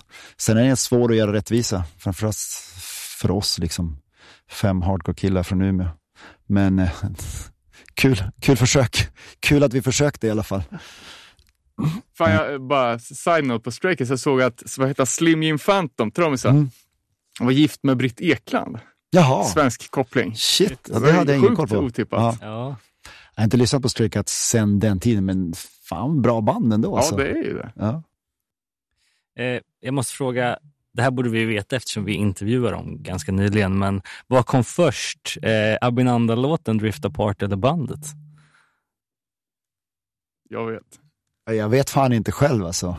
Nej, jag, Ja, det är ju låten. ja, det kanske är låten ja. Ja. Ja, för att jag, jag läste någon, någon intervju från den eran, Ja. typ, och då shoutar i alla fall du ut dem som a local band that deserves mention, typ. Ehm, Ja, och eh, han- sa i förra podden att det var bästa på, på Straight Edge. Men det är det ju. ja. Ja, det är jävla bra låt alltså. Synd att det inte blev mer där. Så jävla bra. Eller okej, jag minns det som jävligt bra. Jag tyckte det var helt fantastiskt då. Jag har inte lyssnat på låten kanske är 15 år, så jag vet inte om den håller idag. Det, det, det är lite tråkigt att man är, eller jag är så att sånt som man ändå minns och har jävligt bra minnen ifrån, ibland vågar man inte gå tillbaks för att man är rädd att det inte ska hålla än idag. Eh, men den ska, nu blir jag peppad, den ska jag gå tillbaks och lyssna Ja, på. nej, men det, Det kom väl fysiskt för några år sedan också, den här tvåspårs... Just det, ja. det var ju Eh, ganska länge. Men eh, ja, du vet väl inte om man får säga Jo, det tror jag man får säga. Man Ja. får säga allt. att det är på gång, nya låtar. Jaha, det hade jag ingen aning om. Nej, det- Fan, det, det vill jag jättegärna höra. Nej, men vi, vi träffar ju hela Desperate Fight-katalogen. Katalogen. ja, fan vad mäktigt. Shield ska ju återsläppa sjuan på, eller sjuan, CDn på, på vinyl. Mäktigt. Desperate Fight skrev nytt. Split fight. Drifta barn. Drift Apart skrev nytt. Jag blir Ja, bara glad. Ja, jag vill bara så här, Asmäktigt. jag vill bara att eh, allt, allt, ska, allt ska komma tillbaka på något sätt. Ja. Ehm, och jag, tror, jag läste också i någon intervju att, eh, att namnet Abinanda kommer från en shelterplatta. Ja, Eh, och att stämmer. det var liksom Kappo som satt och, eh, alltså, han hade någon distinktion som han kallade för Abinanda, eller något sånt där, nämnde i en intervju. Att det var liksom så det upplysta tillståndet av att vara straight edge, typ. Nej, eller sådär. alltså nu kan jag ju ha faktan fel här för det, det var länge sedan. Men som jag minns det, och det var, eh, vi sökte namn till bandet. Eh, jag hade just fått, det, var, det är väl första Shelter-skivan då, eh, Athenius, nej, Perfection. Perfection of Desire. Ja, Fan vad jag har exakt. dåligt minne nu alltså. Men jag satt och läste i alla fall Kälderskivan i innesliven där det är jättemycket text. Eh, det fanns inte internet på samma sätt då. Det är inte som man kunde googla upp vad Hare Krishna var. Jag hade ingen aning vad det var. Eh, men, och då stod det så här, i, i, där går ju att kolla upp för texten finns ju någonstans. Mm, i, så, så jag kan ha fel när jag säger, men som jag minns det så att jag läste ganska, det fanns ganska mycket brödtext i, i sliven och, och, och någonstans så stod det så här Abinanda och att det, att det var ett, ett ord för, ehm, vad var det? Inte Never in the World of Bliss, men Ever Increasing Bliss eller något sånt där. Att det, Ah, betydde, att det, var, att det betydde det. Liksom. jag förstår. Eh, och så fastnade det ordet i mig. Och så sen eh, var vi repa, vi repade hemma hos Adam på den tiden i hans garage. Och så tog han upp det ordet också, för han hade också läst det. Och då var det bara så här, det här måste ju vara namnet. Ja, ja, ja. Eh, så det är därifrån det kommer. Jag fattar. Men, men som jag minns det var så Abinanda, det betyder ständigt ökande lycka. Ja, och det kändes så här, det här är ju bara namnet. Ehm, ja, och sen dess har alla trott att vi är ett Hare Krishna-band, vilket vi aldrig har varit. Men eh, det är en annan sak. Nej, men eh, eh, man märker ju också, alltså så här, absolut inte ska man behöva stå till svars för någonting som man sa i en intervju för Jo, jo. 30 år sedan. Lätt. Liksom.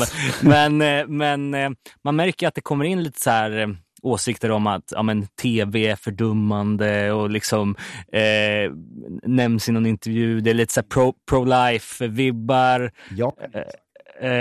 Det var inte du. Nej, alltså jag, det, det där är två grejer som jag, inte ens för 30 år sedan, för jag älskade tv redan då. jag menar, när vi ändå pratar om Tim, nu hoppar jag här mellan ämnena, Ja. men bara så att ni får en, en relation eller en, en överblick. Eh, när jag lärde känna Tim och hängde med honom, hans farsa bodde i, i, i LA, så där, därifrån kontakten med Unbroken och sådär också, men så min första resa till LA var med Tim, hem till hans fars- farsa, för att vi skulle gå på en X-Files convention. oh jävlar vad För fett. jag var så jävla stort fan av X-Files. Och det här var Så- på 90-talet? det här var ju på 90-talet. Ja, jävlar. Och jag fick ju träffa Gillian Anderson och, och så här fick autograf och ta bild med henne, hela paketet. Eh, vilket var jävligt stort för mig. Så att jag skulle säga att tv är fördummande, det hade varit liksom hyckleri på högsta nivå. Och pro-life kan jag svära att det har jag aldrig Jag, jag tror varit. det var Stone som... som men hela den där intervjun, det var ju bara, var ju bara frågor på det här. homosexualitet, abort. Ja. Du vet, det var, den var lite ag- aggressiv, Ja, men det var ju nej. super, supergammalt. De svaren, de står inte jag för kan jag säga. Det, men tack att du bekräftar att det inte var jag. Så, Nej, men det, var, så sa det, du. var, det var väldigt lite frågor om Ja. musik och väldigt mycket frågor om olika ståndpunkter. Men det Mm. kändes som att det var lite så. Ja, men liksom så At här, the moment. ja, mycket frågor om liksom politik i Sverige och hur, hur man, how do you stand on censorship och sådana där saker. Liksom. Eh, men det kanske var en intervju som är gjord av någon som är ifrån den, har de problemen. Ja, ja. Det viktiga med det här det var att vi fick in att jag åkte för, på en X-Files convention. Ja. Det, det är det enda jag bryr mig om i just den här delen av diskussionen. Viktig fakta för mig att få ut. Okej. Räven då? Eh, Den mäktiga andra plattan. Ja, Jag typ, musikalisk inspiration, den låter ju inte direkt som någonting annat. nej. Och jag skulle nästan vilja dra lite växlar på att det är Shape of Punk fast innan. Eh, tråkigt att du jämför oss med en så dålig skiva. Nej, jag skojar. Nej, men det var gå ut utanför boxen. eh, Ja, men alltså grejen är...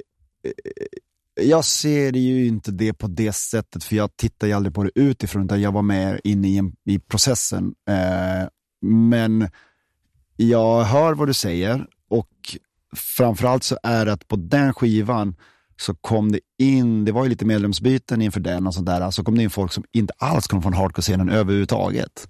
Som Daniel som spelar trummor på den, han, han lyssnade på Deep Purple liksom och var musikalisk på ett helt annat sätt än vad vi var. Eh, och jag tror att de och Per som spelar med oss idag, han var ju inte med på första skivan utan han kom in i bandet direkt efter den.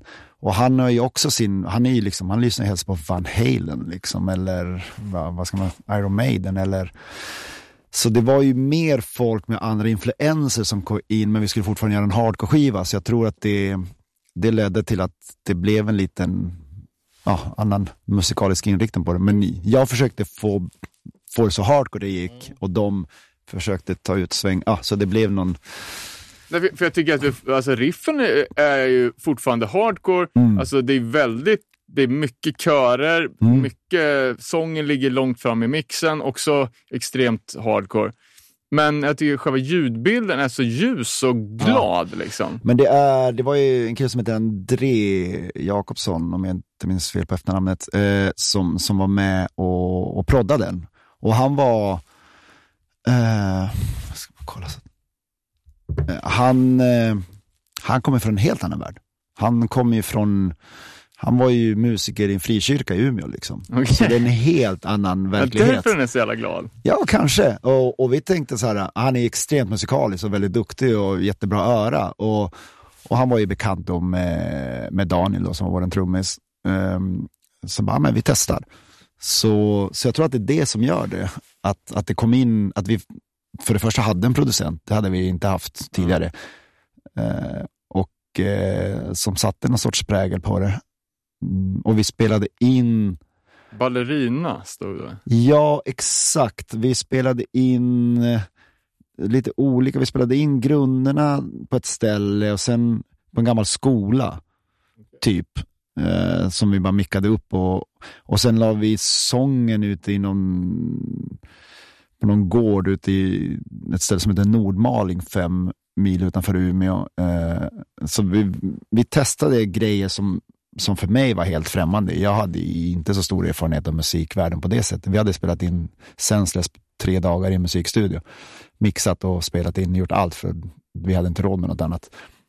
Så plötsligt skulle vi vara där och vara kreativa och spela in på olika ställen och ha en producent. Så, så jag tror att det bidrog mycket till, till att den låter som den låter. Och det, är det är jag glad för. Den är, eh, jag har haft väldigt svårt genom åren att uppskatta det man själv varit med och gjort. Eh, det är en sån där grej som man har fått jobba med och som har kommit med åldern. Tills nu kan jag uppskatta det på ett helt annat sätt. Och nu när jag går tillbaka och lyssnar på det så kan jag ändå säga, fan det här är ändå bra. Alltså det har ju grejer som inte gjordes på den tiden. Eh, jag kan liksom uppskatta det mycket mer idag än. Då, då var det mer att jag så här, lite grann skämdes för att det, ja, men det är fortfarande hardcore-skiva men vi är ändå på väg bort från hardcore. Det tyckte jag var jobbigt. Jag ville, ju- jag ville låta som Strive for One Truth. Liksom. Det var ju min målbild. Eh, Det, det var ju det jag lyssnade på. Och så kommer de och säger, men vi kan ha det här. Det ska låta lite luftigare. Deep Purple, skiv, den skivan från 79 som jag inte hade någon relation till. Jag bara, okej, men ändå inte, tyckte jag. Men eh, det blev ändå en bra, en bra blandning på något sätt. För eh, Rumble är ju den, det är, på Spotify i alla fall, de två överlägset mest spelade låtarna. Men vilken skulle du säga är eran skiva om du får välja en av de tre? Jag väljer ju Senseless för den betyder så jävla mycket för mig. Ja. Eh, om jag ska vara ärlig. Um, Rumble hade jag ju väldigt, väldigt svårt för. Återigen. Ja, nu kan ja, jag gå men vi- till den och uppskatta den på ett helt annat sätt. Men det tog jävligt många år. Eh, men det har ju mycket att göra med vart man var själv. För det, i mitt huvud hade vi redan splittrats när vi spelade in den. Eh, eller vi hade mer eller mindre splittrats. När vi spelade in den och det var inte alls så jätterolig stämning och det var verkligen inte den musikaliska inriktningen jag ville gå. Eh, det är skivan som jag är minst inblandad i på alla sätt och vis. Och samtidigt, och det här låter ju också lite fånigt, men det är ju också en sanning. För mig, ur ett annat perspektiv, var det en väldigt viktig skiva. För Abinander var ju ändå bandet som höll Desperate Fight rullande. Ja.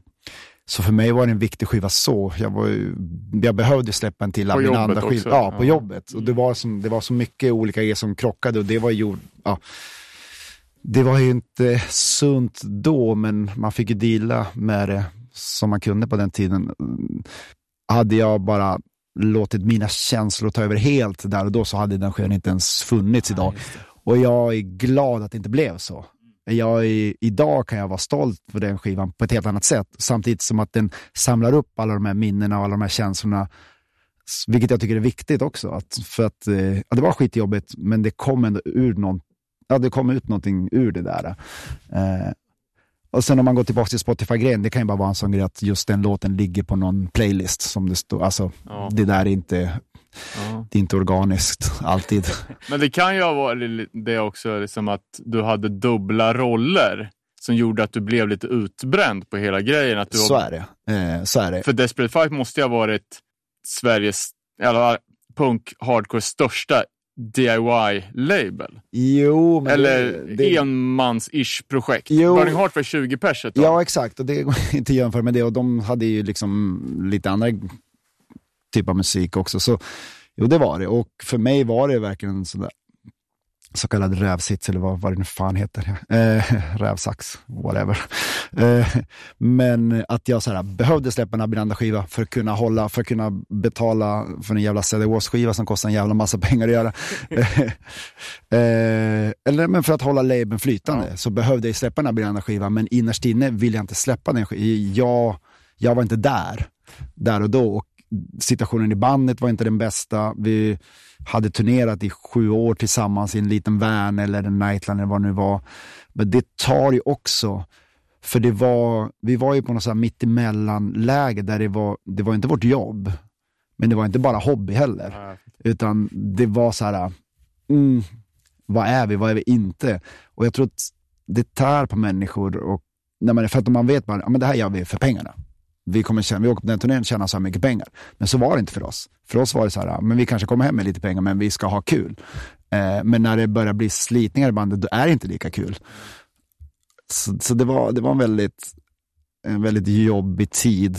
Eh, det var så mycket, det var för mycket i, i huvudet. Men jag är jävligt glad idag att skivan blev av. Eh, det är ändå en del av, av min historia, av bandets historia och del av även Hardcore Sverige på något sätt.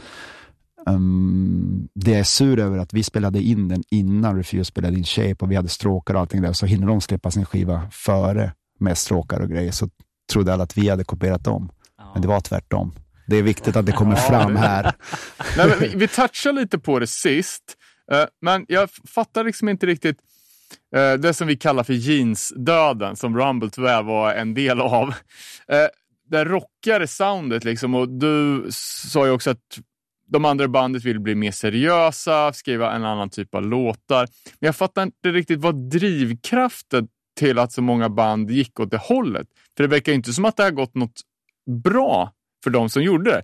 Refuse sa ju själva till exempel att alla hatar dem i början och, Ja, och alla andra band, liksom eh, Nine, Section 8, 59. 59, alla de är ju missnöjda med, med att ha lutat åt det hållet. Så det har ja. inte varit någon framgångsrecept heller. Alltså jag tror att för oss var det nog, eh, eller jag drar nog parallellen till att det var en tid då Hellacopters, Backyard Babies hela den scenen kom och exploderade. Och jag vet att många i, i mitt band gillar ju den musiken, så det var ju ganska naturligt att man drogs åt det hållet. Men grejen att jag var ju, alltså, jag är ju inte den sångaren, alltså, jag kan inte ens sjunga om jag ska välja, jag kan inte hålla takten ens.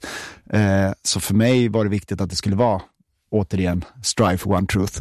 För det klarade jag av. Eh, när det skulle vara så här skitsvåra sångmelodier och, eller slingor och, Ja. och synkoper till höger och vänster som jag inte har någon aning om vad det är ens. Så var det bara, det var inte kul för mig. Jag, och de var ju, den tiden var ju inte som det är idag. Idag kan du gå in, ta 70 tagningar på datorn, välja den bästa, klippa in den eller flytta på ord. Morfa ihop dem. Ja, exakt. Det kunde vi inte då. Nej. Då satt vi och tog saker om och om igen och jag var så jävla less på det där. För att jag måste vara den mest omusikaliska sångaren som finns i hela, åtminstone Sverige, hela Norden också kan jag sträcka mig till. Som ändå släppt tre album, turnerat så 700 gig. Eh, men så för mig var det, det var ett helvete att försöka liksom leva upp till den typen av låtar. Jag bara, alltså, det här är inte kul, det här är inte kul, det här är inte kul. Um, men som sagt, återigen, nu när jag går tillbaks och tittar på det och lyssnar på det så kan jag fan ändå att jag utsatte mig själv för det, att vi ändå lyckades göra någonting av det. Sen gav vi ju inte skivan någon chans, för vi hade ju som sagt,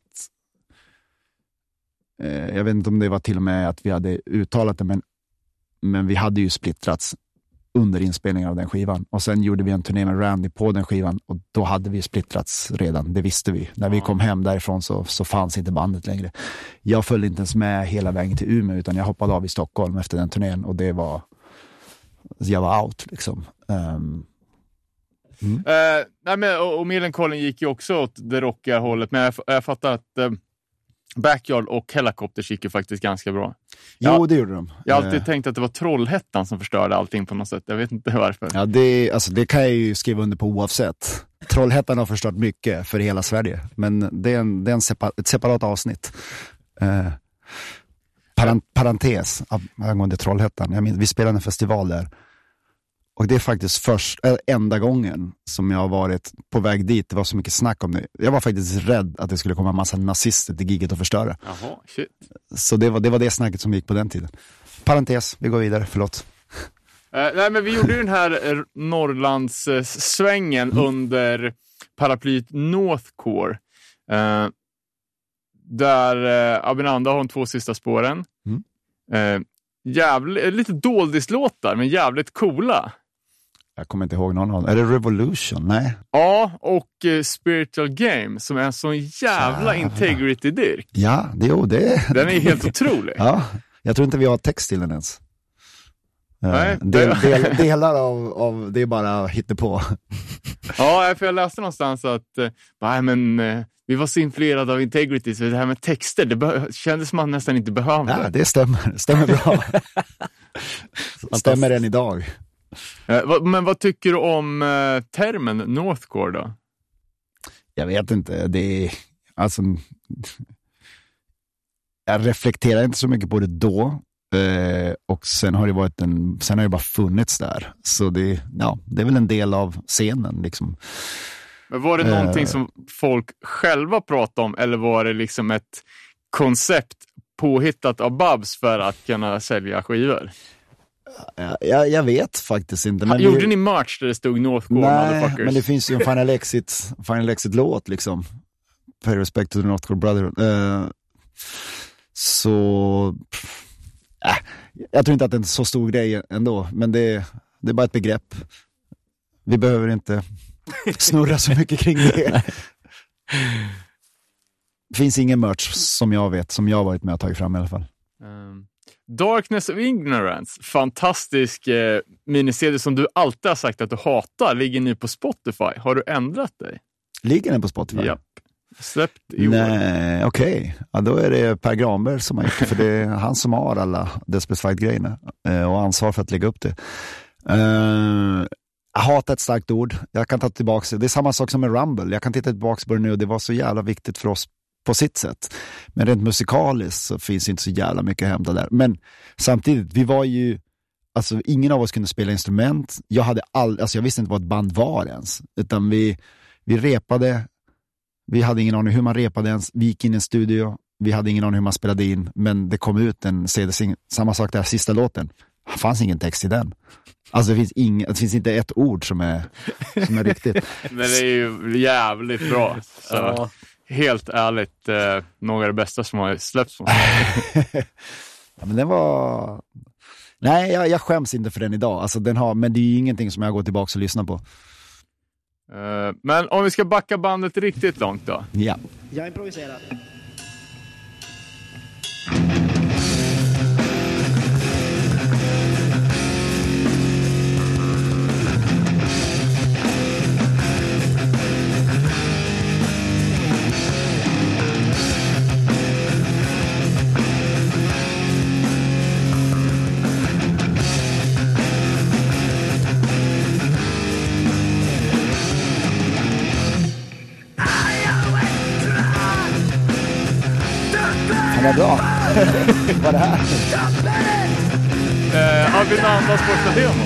Det är sant. Den hemliga demon. Alltså, ingen som helst minne av det här. Alltså, jag skulle inte kunna...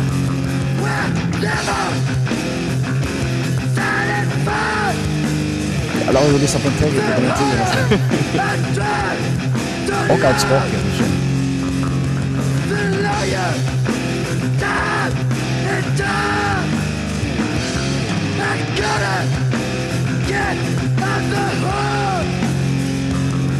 Borde släppas. Ja, det borde fan göra. Är det mer låtar eller? Ja, visst. Det är 15 minuter där. Är det sant? Eh, första demon plus två andra takes på... Eh, Alltså det här är, det här är grejer som jag har noll koll på. Alltså. vad fan heter låten? Inner... Inner qualities? Inner, Quality. det var Inner Struggle, men det är ett annat det är band. ett annat band.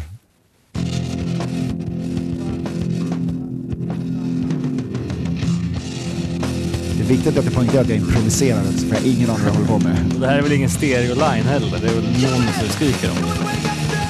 Oh, bra drag. Ja,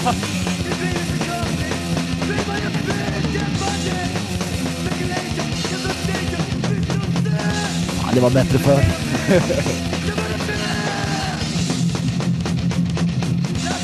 man hör ju att det är en annan version. Ja. Men alltså grejen är, det här är ganska tydligt exempel. Någonstans, jag var ju den hardcore-killen. Det var ju det där jag ville göra.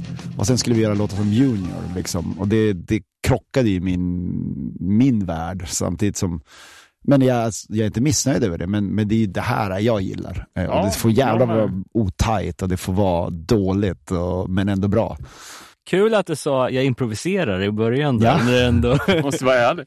Nej, jag vet en- enligt eh, Ja, det är den, Våran- den kassetten, ja ja. kompis eh, Klas på Svensk Hardcore-kultur som Mm. är en hoarder av rang. Jo men han, eh, Han har ju lyckats hitta, vi, vi tror att det är den här. jo men det, det är nog den där, eller För det här är incre- Ever Increasing Well of Bliss. just det, man får kolla vad det är för låtar på den. Vad Ja, står det? då är det, ju, bo- det är ju typ hindu har jag Google translatat. Okej, fan vad Så jag mycket. vet inte om det är Jävlar! låtar alltså hittepånamn. Det måste, det, alltså, nu ska jag vara ärlig, men jag alltså, jag har ingen aning om det här. Alltså, ingen aning vart det här kommer ifrån. Jag, det där känner jag inte igen någonstans. Så det här kan vara någon grej som finns i 7X. Liksom. Eh, ja, mäktigt. Man får lära sig något nytt om sig själv. Det är ändå 30 år sedan, så man måste ändå få lite... Eh, ja, och vi, vi snackade med, med, med Jonas uh, Lyxzén och han sa ju att den här uh, demon var alltså inte släppt överhuvudtaget. Nej, jag tror- väldigt, väldigt Jag tror vi liksom kopierade upp några extra i oss själva och skickade till, till Ja. någon. Så den, det kan vara så att den finns i 7-8X bara. Han beskrev det också som cowboypunk, men det tycker jag inte riktigt att det stämmer. Nej, det köper jag inte. Men det kanske han associerar till någonting som var då. Typ att någon hade en cowboyhatt när vi spelade in. Jag vet inte. Men som jag har nämnt flera gånger nu, mitt minne från den tiden är inte det starkaste. Så, så jag vågar inte uttala mig för mycket. För det, det kan mycket gärna vara, ah, det kan vara så att jag, att jag minns saker helt fel. Som att det skulle vara låttitlar på något annat språk, det har jag noll som helst minne om. Alltså ingen som helst aning. Jag kan till och med börja spekulera att det är någon annan som har gjort det där. Inte ens vi. Det kan vara malaysisk bootleg på en demo. Det, det kan det vara. Who knows? Ja, spännande. Kul i alla fall. Gräva vidare i det där. En, Ja. eh, en eh, förhoppningsvis eh, för de flesta okänd låt. Hoppas att det är okej att vi spelar upp. Det tycker jag. Det är bara att spela på.